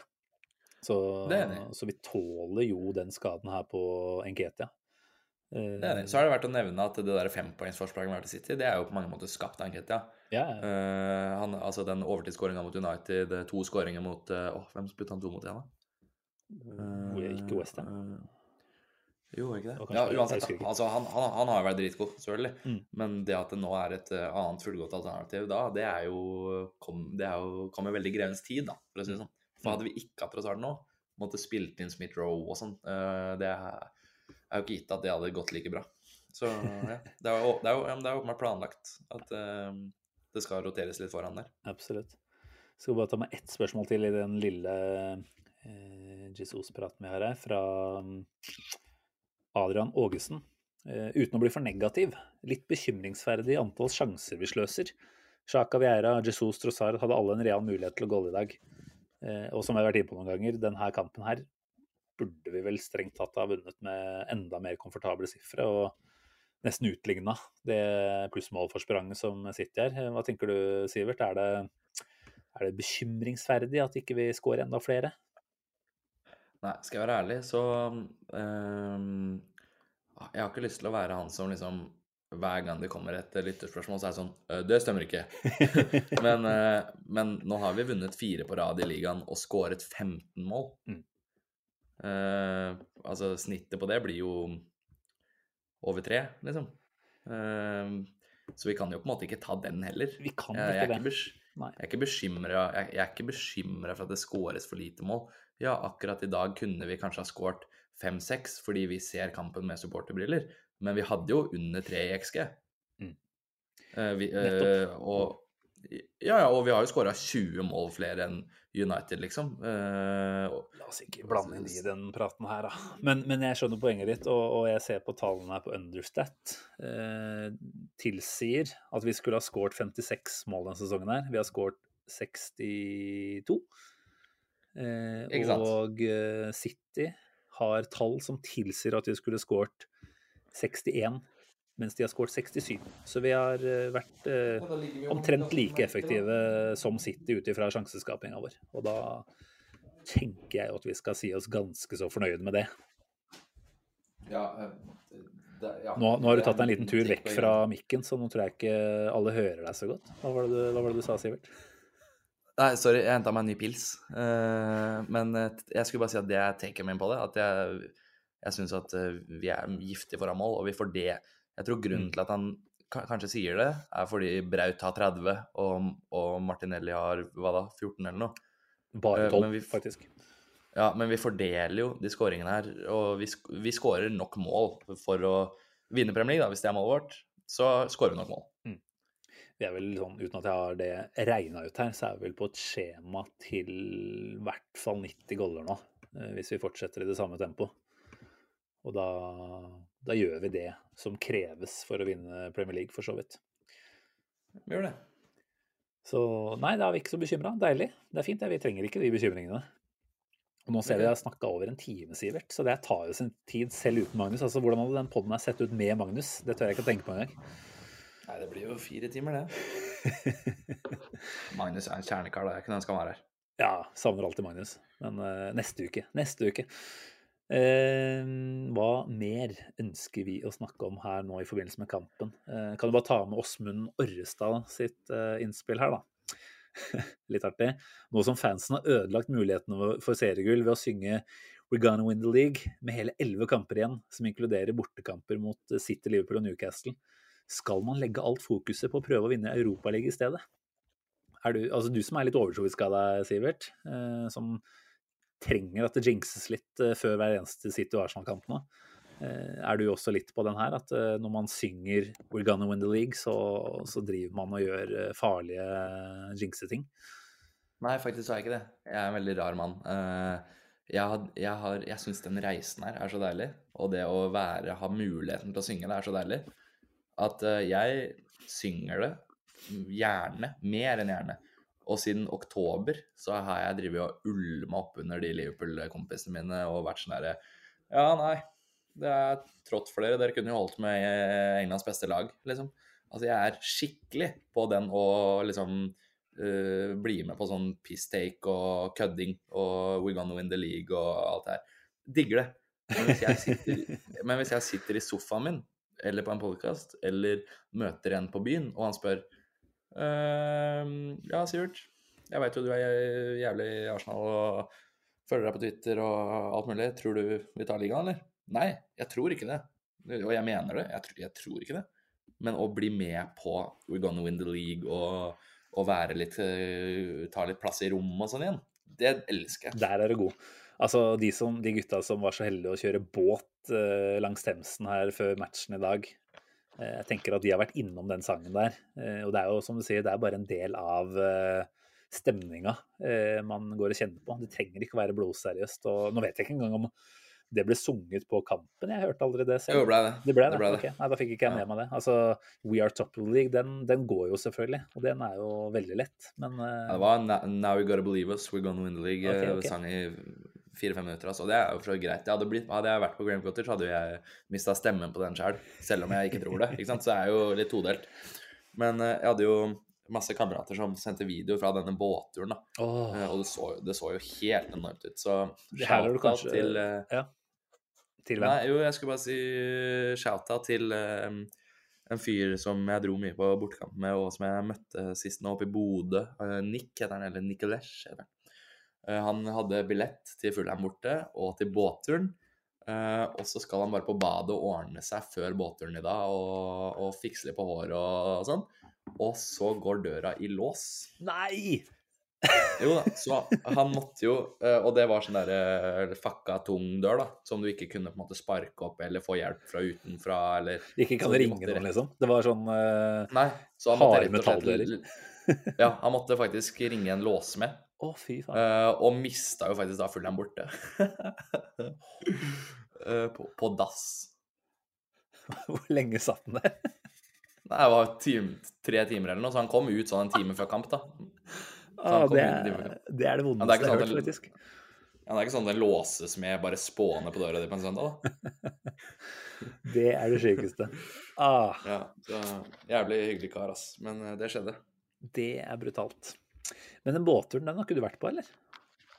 Aldri. Um, Fulham var championship uh, da jeg bodde der. ikke sant, ikke sant. Så jeg var jo på Fulham borte med mitt kjære QPR. Ja. Uh, og fin, fint område, og elsker Putney. Så det var egentlig målet denne sesongen her, Mm. å få til Fulham borte. Det, den hadde jeg egentlig spikra meg nes- når terminlista kom ut i juli. Men så gikk sesongen som den gikk, og jeg, for jeg tenkte jo at det bare alle kamper var like mye verdt, på en måte. Men Mm. Eh, nå prioriterte jeg å dra på City, og så skal jeg på Wolverhampton. Så det er sånn Ja, jeg er jo ikke utømmelig. Nei, det får være grenser selv for deg. Storkar. Jeg løfter heller, løfter heller bøtte mot Wolverhampton enn å være med på den båten, altså, men det ser helt rått ut. Du har fått deg ny jobb. Jeg har jo gratulert deg off-air, men kan gjøre det on-air òg, så det begynner jo Det går godt om dagen.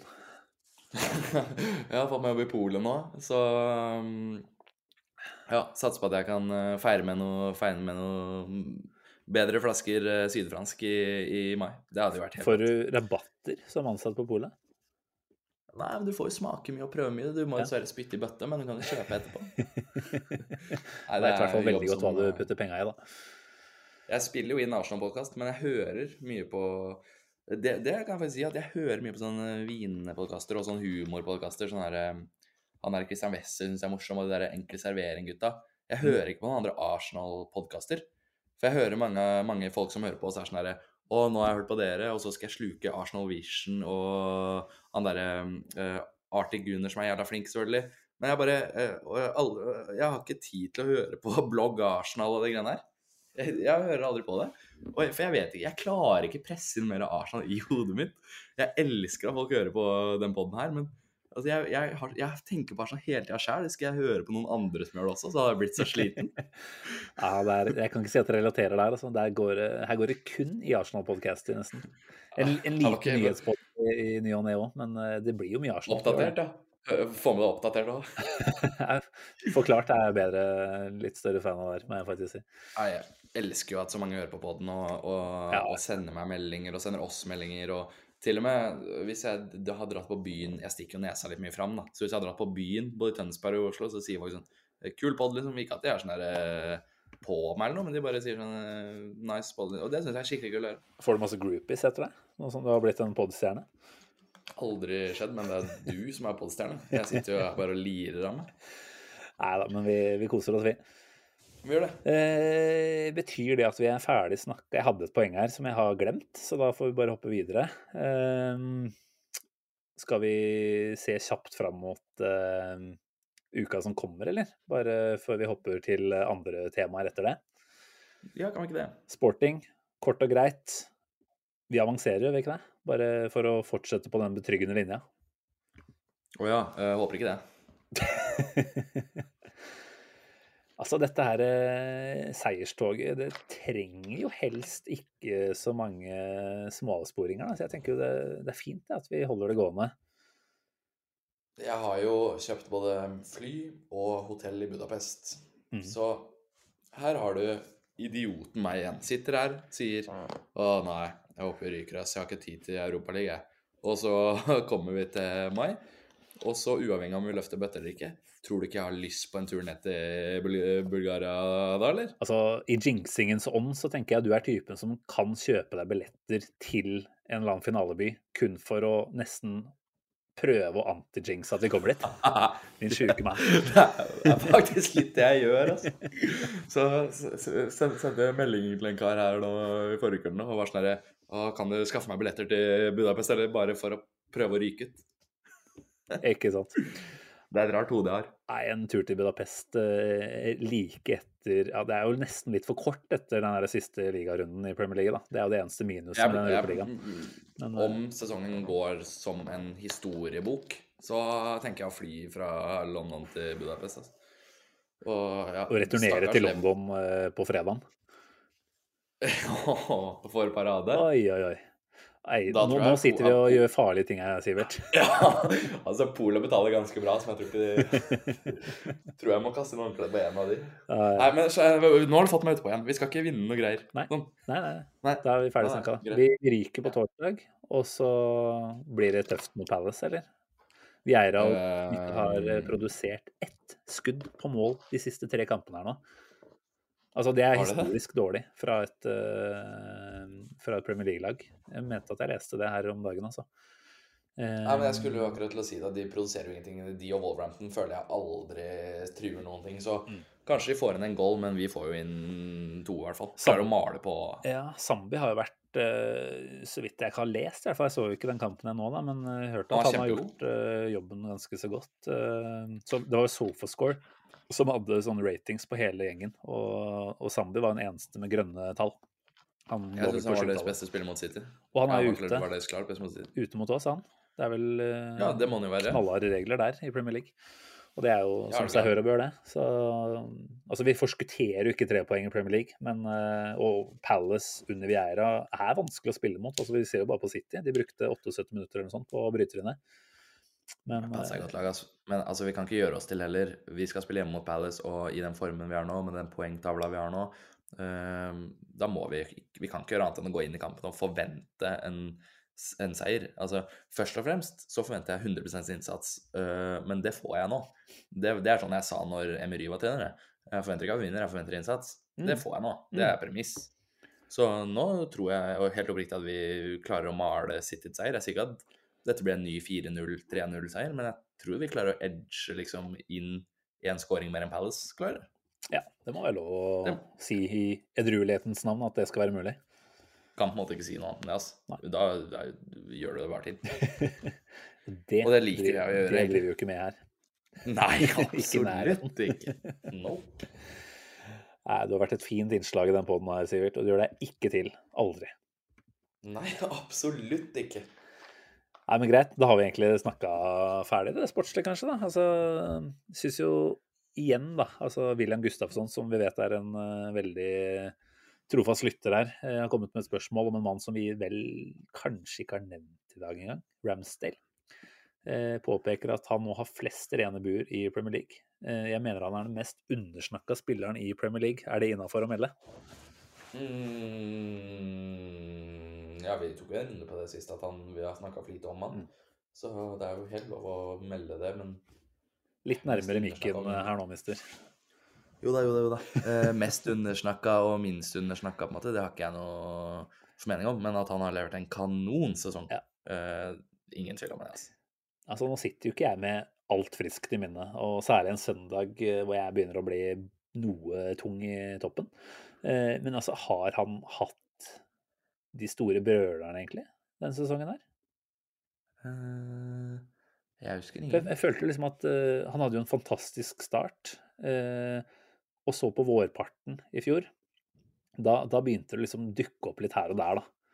Men så har han nullstilt denne sesongen her, og det er godt mulig at vi er historieløse her nå og glemmer bort ting, men han har liksom vil jeg det. Altså, vært Ja, ikke sant. Han har vært fantastisk stabil, altså. Og, og som William påpeker, han har også nå flest clean sheets. Da, og, og de skal han ha mye æren for selv, fordi han har gjort mye bra på streken, altså. ja, ja, klassekeeper. Så altså Jeg har ikke noen formening om at Altså, jeg hørte mange før sesongen var sånn derre uh, Ja, vi ser bra ut, men du vinner jo ikke Premier League med Ramsdale og White, på en måte. Altså, det er bare fordi de er fra England og ikke har noen sånne, ikke noen sånn glorifiserte navn og sånne ting, så tror folk at nei, dette er jo Dette er bra, men det er ikke top notch, på en måte. Mm. Og altså nå, eh, på, på, på et eller annet tidspunkt så må du bare begynne å hylle Ramsdale. Altså det der nivået med uh, consistency, holdt jeg på å si, som han har putta ned denne sangen her, er jo Det er jo, altså, det er jo sen, sensasjonelt, omtrent. Altså, hvilke andre keepere er det som, som har gjort det i Premier League? Da? Folk, eh, jeg husker folk eh, Da vi henta han, så var det sånn Ja, David Raja er også god. Ja, er han bedre enn Ramsdale, eller er han bare spansk? Nei, du får noen gratispoeng der, det er ikke noe tvil om det, altså. Eh, og selvfølgelig David Raja har en gudbenåda pasningsfot, men om han er en totalt sett bedre keeper enn Ramsdale, det, det klarer du ikke å overbevise meg om, i hvert fall. Nei, ikke meg heller. Og jeg føler at han har luka ut de der uh, tullemistakes av, av spillet sitt. Altså, det var et par ganger i dag han var litt sein på avtrekkeren og litt shaky. Uh, to ganger eller noe. Mm. Men vet du hva, når du spiller på så høy risiko, så må det skje en eller annen gang. Det var et par ganger han starta angrep aleine, og det har han gjort hele sesongen. Oh, der har vi gjort jobben vår. Da har vi, vi snakka fram Ramsdale i dag, og to podder på rad. Da, da begynner vi å, å gi han eh, rettferdig eh, oppmerksomhet, vil jeg si. Og så digger jeg jo faren hans. Ja, faen, det er han som går rundt med den der eh, artige lua og virker jo å være helt nervevrak, stakkars, når han eh, ser sønnen spille fotball. Ja, jeg så han eh, da jeg var på Brentford borte i år. Oh, ja, Og og han sto to rader nedfor meg eller noe, og jeg egentlig gadd ikke gjøre noe stort nummer av det. Jeg var litt eh, fyllesyk og jeg var ikke så interessert i det. Men jeg ser jo mange kom, kom bort til han og prata og var sånn herre og your son doing amazing og sånn. Og han tok seg tid til alle, altså. Ja, det er rått. Jeg hadde nok selv- eh, vært skamløs og bedt om en selfie selfie der, ja. Ja, ja, nei, jeg skjønner det. Jeg har jo tatt, tatt mine fair share selfies med Ødegaard, jeg. Så jeg skal ikke, skal ikke si det er teit for å gjøre det. Nei, men Vi kan bevege oss eh, videre kanskje da, eller? Da har vi snakka nok fotball. Altså, igjen, da, bare for å ta den der Mick Jagger-greia opp igjen. Eh, jeg satt her og bare liksom Hva er de feteste og beste hitsene til Mick Jagger? Og ser jeg at Altså, han hadde jo selvfølgelig noen gigantiske med Rolling Stones, men han hadde jo også eh, noen for seg sjæl. Eh, 'Dancing in the Street'. Det er liksom Det føler jeg kan være et litt sånn fint omen eh, å, å ha her nå. For det er det noe jeg liksom Når jeg lukker øya, ser for meg, så er det et Islington som er ute og danser i gaten i slutten av mai. Eh, så kanskje det er, kanskje det er det Mick Jagger på tribuna på Craven betyr. Jeg tror det, altså. Jeg tror det gjør det. Jeg tror det betyr det, Sivert. Åh, Se jeg for deg 250 000 Arsenal-fans med bluss og, og øl på plastglass i, i mai, da. I maisola. Ja, jeg har vært inne på det her før. Min største sånn fotball-regret, det var jo Jeg var jo på FA-cupfinalen i 2014.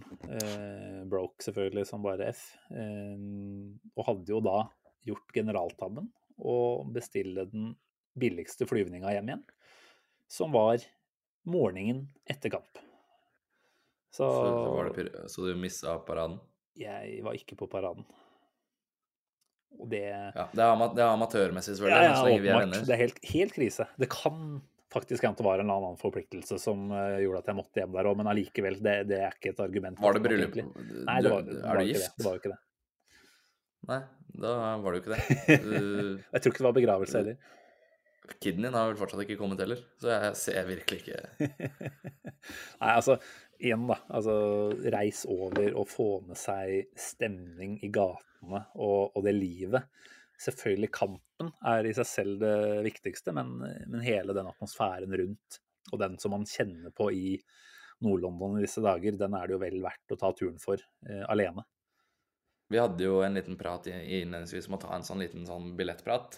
Fin Eh, overgang, egentlig. bare Ja, egentlig, for vi kan jo bare si eh, at den eh, diskusjonen som går i disse dager, er jo at eh, Altså, det er eh, en, Om det er en liten håndfull eller flere som mener at eh, folk skal ha like premisser på å kunne skaffe seg Wolverhampton. Det er jo der det begynte.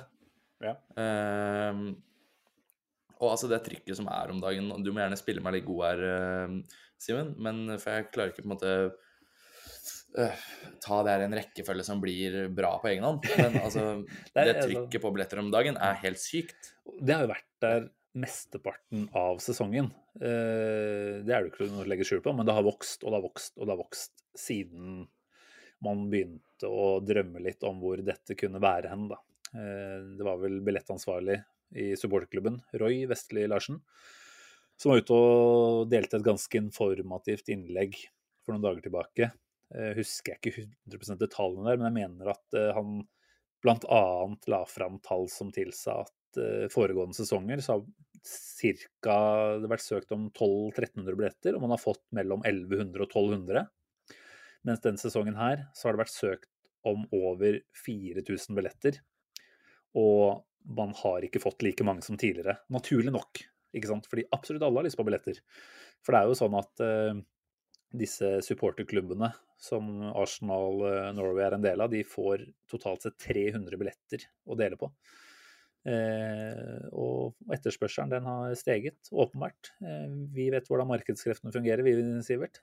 Eh, når noe går bra, så har flere lyst til å hoppe på og bli med på det. Og da Ja, men altså Arsenal-billetter er, det er akkurat som aksjemarkedet. Det, Yes. Når det glir godt, så blir, det, så blir det vanskeligere å kjøpe seg inn. Det er, det er bare sånn det er. Og eh, jeg har inntrykk av at eh, flere på en måte eh, tar Arsenal Norway på å på en måte disponere disse billettene dårlig, men så må vi tenke på at det er De får ca. mellom ja, si 15 da, i snitt. 15 av 60 000, liksom. Mm. Altså, hva er det? Altså, hadde jeg satt alle kluter til uh, i fire måneder før kamp, som Arsenal Norway gjør, kunne jeg også hatt 15 av 60 000. Det er, sånn, altså, det er, ing det er ingenting. Og da mener jeg at da må du legge et eller annet premiss for åssen du fordeler det.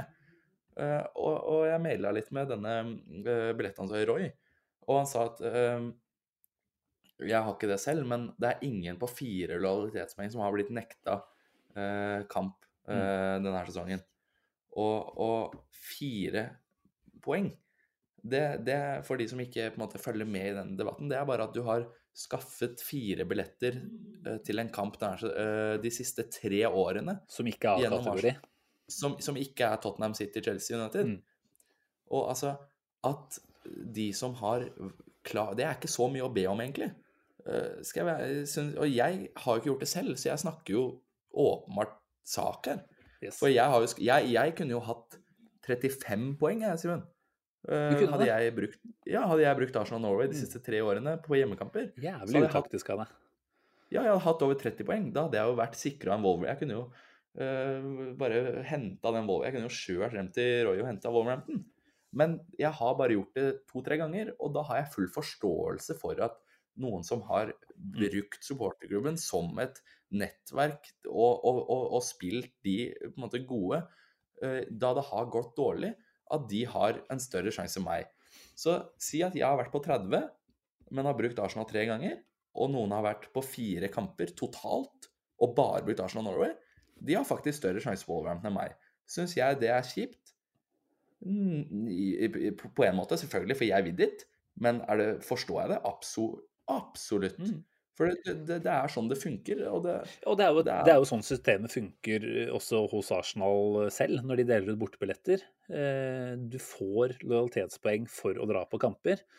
Eh, Du hadde jo tallene, vi snakka litt om de før podden her. altså Fullham nå, da, den helga her, skulle vel ha 40 poeng for å få billett til. Ja, altså 40 er det eh, for de som ikke er så bevandra i billettverden eh, som jeg har blitt ved å bo der og sånn. Så er det sånn at 40, har du over 40, da er du sikra. Da er det sånn salget starter på 40 pluss. Så har du 41, 51, 61, da, er du, da går det helt fint, liksom. Det er ikke noe å tenke på.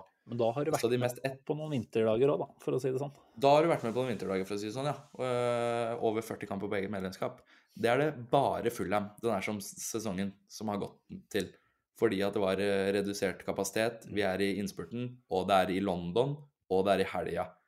Og, og kamptidspunktet var tidlig. Mm. Alt det her gjør at det blir sinnssykt bra øh, og lagt opp til å dra på kamp. Og for å ta det, Tottenham borte, som jeg regner med at eh, meg selv og de fleste som hører på, ser på som den sykeste kampen å dra på. Den kuleste. Er du på Tottenham borte? Det er så skjevt. Jeg var der selv i fjor. Kjempekult. Men både i fjor og i år solgte den ut på 25 øh, pluss. Som betyr da, har du vært på 26 kamper øh, med Arsenal borte på eget medlemskap, så kunne du få Tottenham. Men du måtte fortsatt sitte hjemme og se kampen på TV i dag. Mm. Tror du ikke han syns det er urettferdig? Som, som, som er såpass innere og, og dro mot Tottenham og dro mot uh, ja, han, uh, Altså Vi må bare realitetsorientere oss litt her. At de billettene Arsenal Norway får, de må fordeles på et vis. Og ja, nå går det selvfølgelig utover eh, en rekke som ikke har vært på kamp av ulike årsaker eh, de siste tre årene.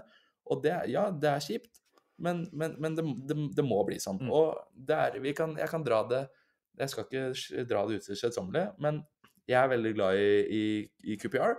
eh, og onkelen min er QPR-fan. Eh, ikke veldig glad i som at jeg, jeg ser på de over Arsenal, men jeg liker QPR.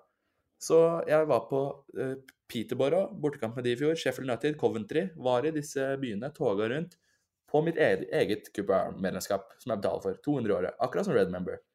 Og så skulle de møte Fulham borte. Så fikk jeg ikke. Jeg hadde ikke en nubbesjanse. Fordi det var 2000 uh, åpenbart da Cooper-fans som hadde vært mer enn meg. Mm.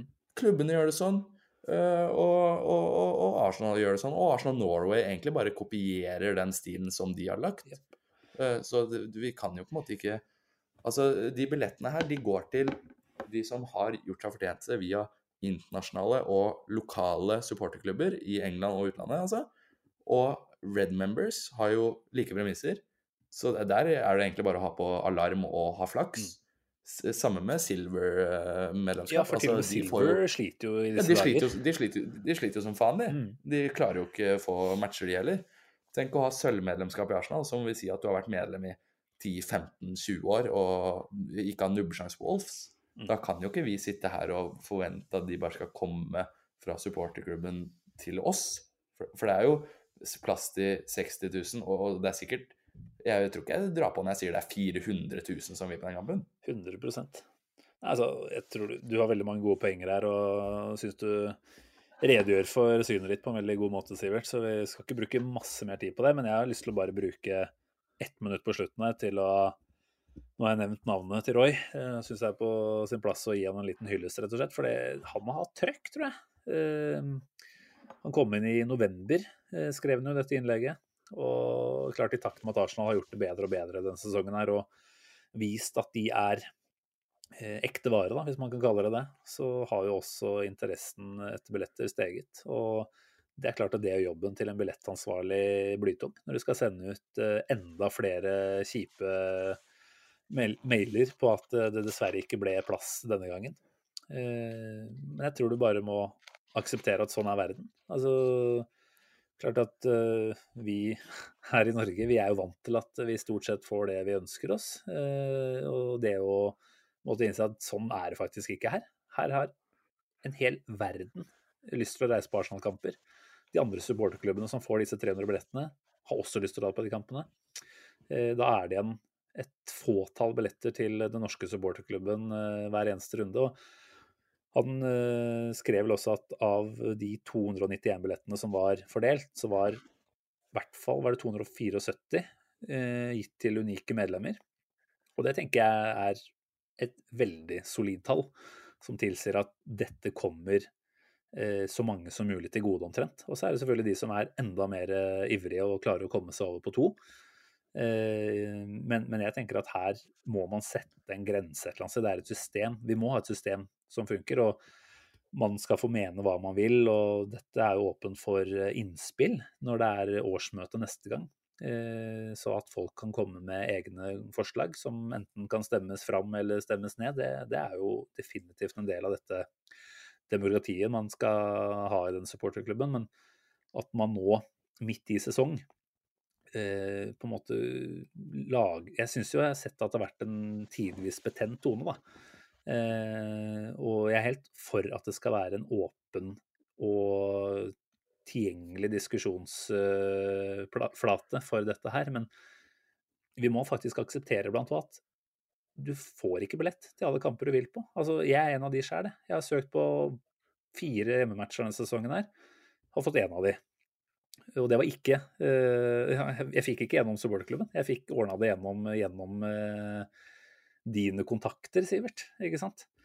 Så, så det handler jo om at man må være både heldig med hvem man kjenner, selvfølgelig, på den måten, men eh, at man også eh, må akseptere at eh, havner seter vidt forskjellige plasser på stadion. Jeg var jo over med to gode brødre og tenkte at vi skulle få si det sammen. Var ikke i nærheten. Da måtte man akseptere at det blir rader og blokks imellom oss, og det er en del av det.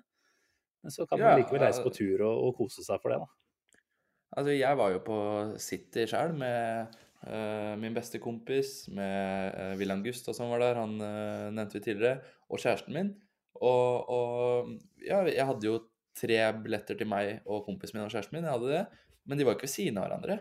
Altså, Det var en av de som var North Bank Lower, så vi bare skviste oss sammen, og hun sto foran meg, og ja, vi fikk det på til et vis. Men Altså, vi, ikke, vi, kan ikke være for, for kravstore her. Altså, det er umulig å få billetter til kamper om dagen. Mm. Og de neste to månedene nå, de blir helt uh, gale Mathias på det, liksom. Det er en titel, potensielt tittelvinnende sesong. Uh, og da mener jeg at det er helt OK at eksklusiviteten er der på et eller annet vis. For altså, uh, du har de som sier ja, men jeg har jo vært på mye kamper på Emirates, jeg har bare ikke brukt Arsenal Norway. Så jeg liker jo Arsenal like mye som de som har realitetspoengene. Skal ikke jeg få, da? Og altså, kompis eller øh, venninne, det her gjelder jo meg òg. Jeg har jo aldri brukt Arsenal Norway. Men altså, hvis du har vært på mye kamper og ikke kan dokumentere den lojaliteten gjennom Arsenal Norway, kanskje du kan det gjennom et sesongkort. Og hvis du ikke kan det, kanskje du kan det gjennom nettveisbygging, som jeg kan, eller Red Member. Altså, det er mu... Altså, det, det, er, det, er, det er 15 måneder siden, Magnus, at Jeg skal avslutte nå snart, men det er 15 måneder siden Chelsea hjemme på Emirates gikk på generelt salg. Vi lå nederst i Premier mm. League. Mm. Og du måtte ikke være betalende medlem på arsenal.com engang for å få billett. Og jeg er sikker på at det var kliss likt for supporterklubben. De kunne bare gå og plukke ned fra øverste hylle, til og med lower sikkert. Du kunne sende melding til eh, den som var før Roy, eller bare gå inn på nettsiden og si jeg skal ha fire billetter til Chelsea ved siden av hverandre, og få det. Og bare fordi det var sånn, da Arsenal var grusom bånd i bøtta Jeg var på den matchen sjøl. Jeg hadde jo Jeg kunne jo ligge øh, bortover.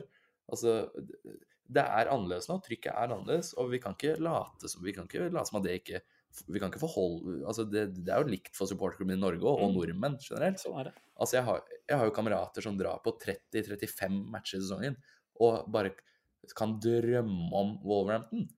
Altså, min beste Arsenal-kompis, som er like gammel som meg, Harry, han eh, skal på City borte nå eh, bare for å drikke med gutta. Han har ikke billett. Det går ikke an å få billetter. Eh, det, det, er, jo- det er jo Det var flere av gutta når jeg dro til Bodø. Det var jo bare plass til 404 i bortesvingen i Bodø.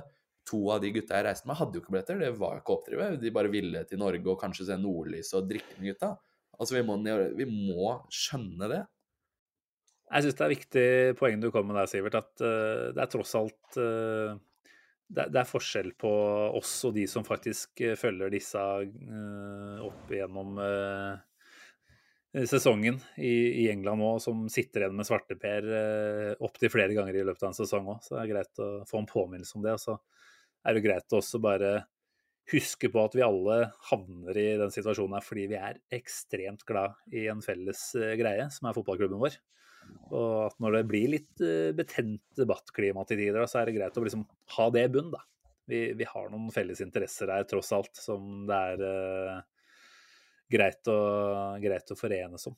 Eh, alle vil på kamp, eh, særlig de store matchene. Og da, da sier det seg selv at eh, det ikke lar seg gjøre. Og det må vi faktisk akseptere. Og så kan vi bare oppfordre på slutten her igjennom at eh, for de som er innmeldte i supporterklubben og er en del av den diskusjonen her, så går det an å sette seg ned og utarbeide egne forslag. Det går an å sette seg sammen med andre og utarbeide forslag i fellesskap, og fremme det på årsmøtet, som vel blir en gang utpå høsten. Det har vel tradisjon tro pleid å være i løpet av de første serierundene eh, at man tar det i forbindelse med. Om det er i London eller, eh, eller Oslo er kanskje litt tidlig å, å stadfeste her og nå, men eh, da er det rom for forandring eventuelt. Da. Eller for å bekrefte at det systemet man har nå faktisk er det beste. Så det var dagens lille utenom Det er vel ikke utenomsportslig, kan vi si, men eh, ikke direkte fotballrelatert sånn sett. Men det er jo noe som opptar mange om dagen. Vi må jo ta de eh, overskriftene som kommer hver eneste uke. Det er derfor vi spiller inn hver Det er jo supertabloide. Det er klart vi tar snakkisene. Ja, må jo det. Vi er jo, vi er jo Dagbladet i podversjon. Nei, det skal vi ha oss frabedt, altså. Det er ikke så mange Vi har vel ikke sagt ordet sjokk her i løpet av kvelden, har vi det? Så jeg tror ikke vi kvalifiserer til Dagbladet. eller, eller hvordan få, få kona di til å komme, eller hvordan lage juleribbe. Er Hvordan bare- drepe hele slekta og allikevel sitte igjen med arven. Det er jo Riktig. Ja, riktig. forsidestoff, det. Apropos snakkiser. Det har vært en stor snakkis til i, i England særlig, da. Men den har jo spredd seg. Og det er jo det som skjedde Var det på var det torsdag, fredag? Jeg husker ikke akkurat hvilken dag, men det var Gary Lineker.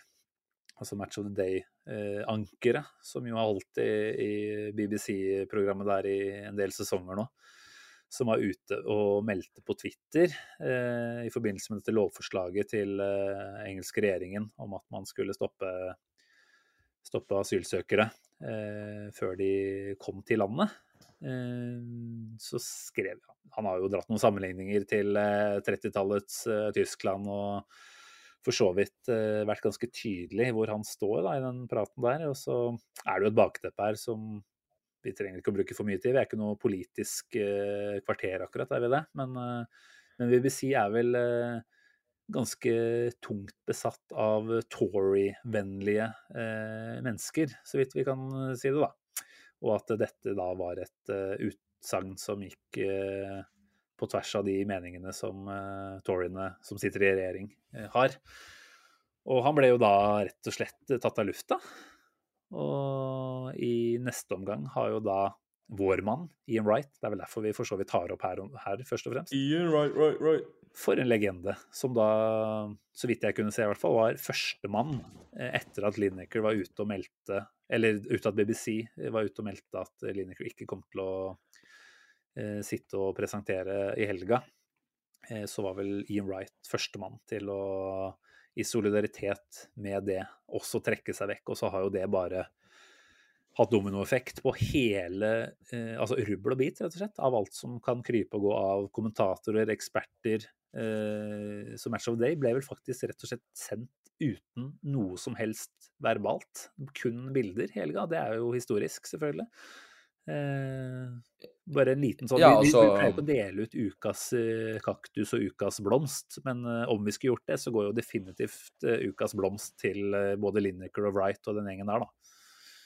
Ja, utvilsomt. Og um, ja, vi representerer jo, holdt jeg på å si, synet til oss og Arsenal-sportere. Fordi vi hørte jo Ian Wright, uh, Wright, Wright bli sunget i dag av bortsvingen. Yes. Så um, det må jo være lov å ta et visst eh, standpunkt her, uten at vi trenger å Altså, vi, vi, vi kan vel si det så, det. så enkelt som at det lovforslaget brøyt med menneskerettighetene. Eh, hadde ikke, uten at jeg skal bli altfor teknisk her, hadde ikke England og Storbritannia meldt seg ut av EU, eh, så hadde det de gjorde nå, for så vidt ikke vært så vanskelig. For da kunne Det er vel denne Dublin-avtalen som da ville tilsi at eh, man skal søke eh, asyl i det første landet man eh, kommer til. Men med tanke på at England nå er ute av EU, så vil jo ikke de gjelde eh, da. Og så, her er jo ris til egen bak, rett og slett. Det stemmer, det. Eh, Du leser eh, gode internasjonale medier og Hører på forklart, vet du. Oppdatert og forklart. Ja, det er bra, det. Det er, det. Det Det er, sånn, det er sånn jeg leser nyheter òg, det. Tar inn i øret. Det fin. Øregangen er fin. Ja. Nei, men da har vi toucha innom. Right, right, right. Right, right, right. Bra mann. Ja, jeg, Fantastisk mann. Bra mann. Bra mann. Jeg Gikk og tenkte på det at eh, neste Arsenal-drakt jeg kjøper, tror jeg skal være en retrotrøye med noe sånn originaltrykk eh, og right bakpå. Det har jeg ikke. Ja, jeg har jo tenkt hele sesongen hvem jeg skal ha på drakta, og så har jeg vært innom Sjaka, Zinchenko, jeg har vært innom mange, men jeg tror jeg, hvis, hvis det går hele veien, eh, Simen, Mm. så må jeg ha årets drakt med Arteta Ja. på. Det, det er på en måte det eneste som blir riktig, og det som står seg best i ettertid. Altså om 20 år, når du viser den til ungen din. Uh, ja. Nei, altså Forhåpentligvis er det jo starten på et uh, Arteta-dynasti, dette her, det vi ser. Det føles litt sånn nå, gjør det ikke det? Det, al- altså, jeg er fremmed jeg er, jeg er litt rolig på, litt kjølig på ligatittelpraten, men at Arsenal bygger et dynasti som skal være med i fire-fem år og, og, og måte gå toe til toe med de beste i Champions League og henge med toppen i Premier League i, i år fram i tid, det er null shame å si det. Mm. For det mener jeg. Om, om at vi bygger et superlag, det er jo null tvil om. Det er bare hvorvidt opplaget til City er bedre over 38 kamper. Men Arsenal skal jo være, være helt i toppen av Europa i flere år nå. Ting kan tyde på det, altså.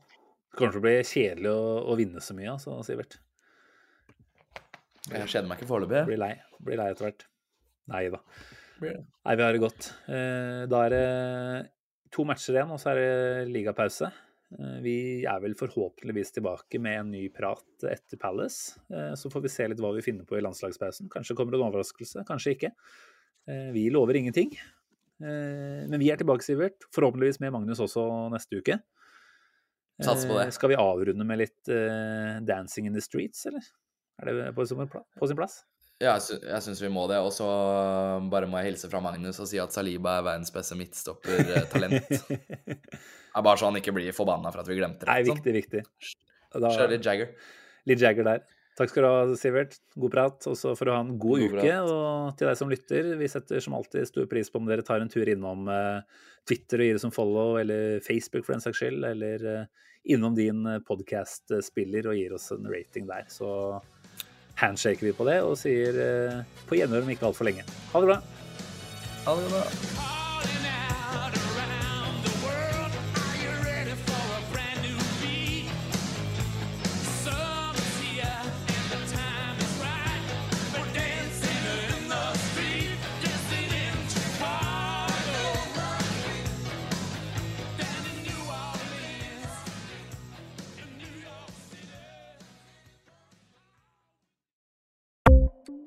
Ukens annonsør er HelloFresh.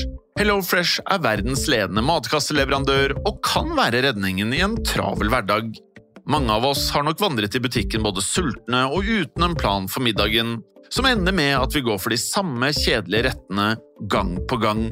Middag burde være dagens høydepunkt. Som HelloFresh kan du nå velge mellom 25 ulike retter hver eneste uke, eller få HelloFresh til å sette sammen menyen for deg. Dette gir deg muligheten til å prøve nye og spennende retter alene eller sammen med familien. Du velger antall porsjoner og får alt levert på døren på et tidspunkt som passer for deg. Oppskriftene er enkle, og maten er lett å lage både for store og for små. Ved å få alt levert hjem får du også mer tid til å dele matgleden med familie og venner. Kanskje det frister med asiatiske tacos eller greskinspirert kylling? Da kan jeg anbefale deg om å gå inn på hellofresh.no. Her kan du bruke koden FOTBALL og få opptil 1779 kroner i rabatt på de første fem matkastene hvis du ikke har prøvd Hello Fresh tidligere. Du kan også bruke rabatten hvis du har vært kunde og stoppet abonnementet ditt for tolv måneder siden eller lengre. Gå inn på hellofresh.no og bruk koden FOTBALL. Har du et enkeltpersonforetak eller en liten bedrift? Da er du sikkert lei av å høre meg snakke om hvor enkelt det er med kvitteringer og bilag i fiken, så vi eh, gir oss her, vi. Fordi vi liker enkelt. Fiken superenkelt regnskap.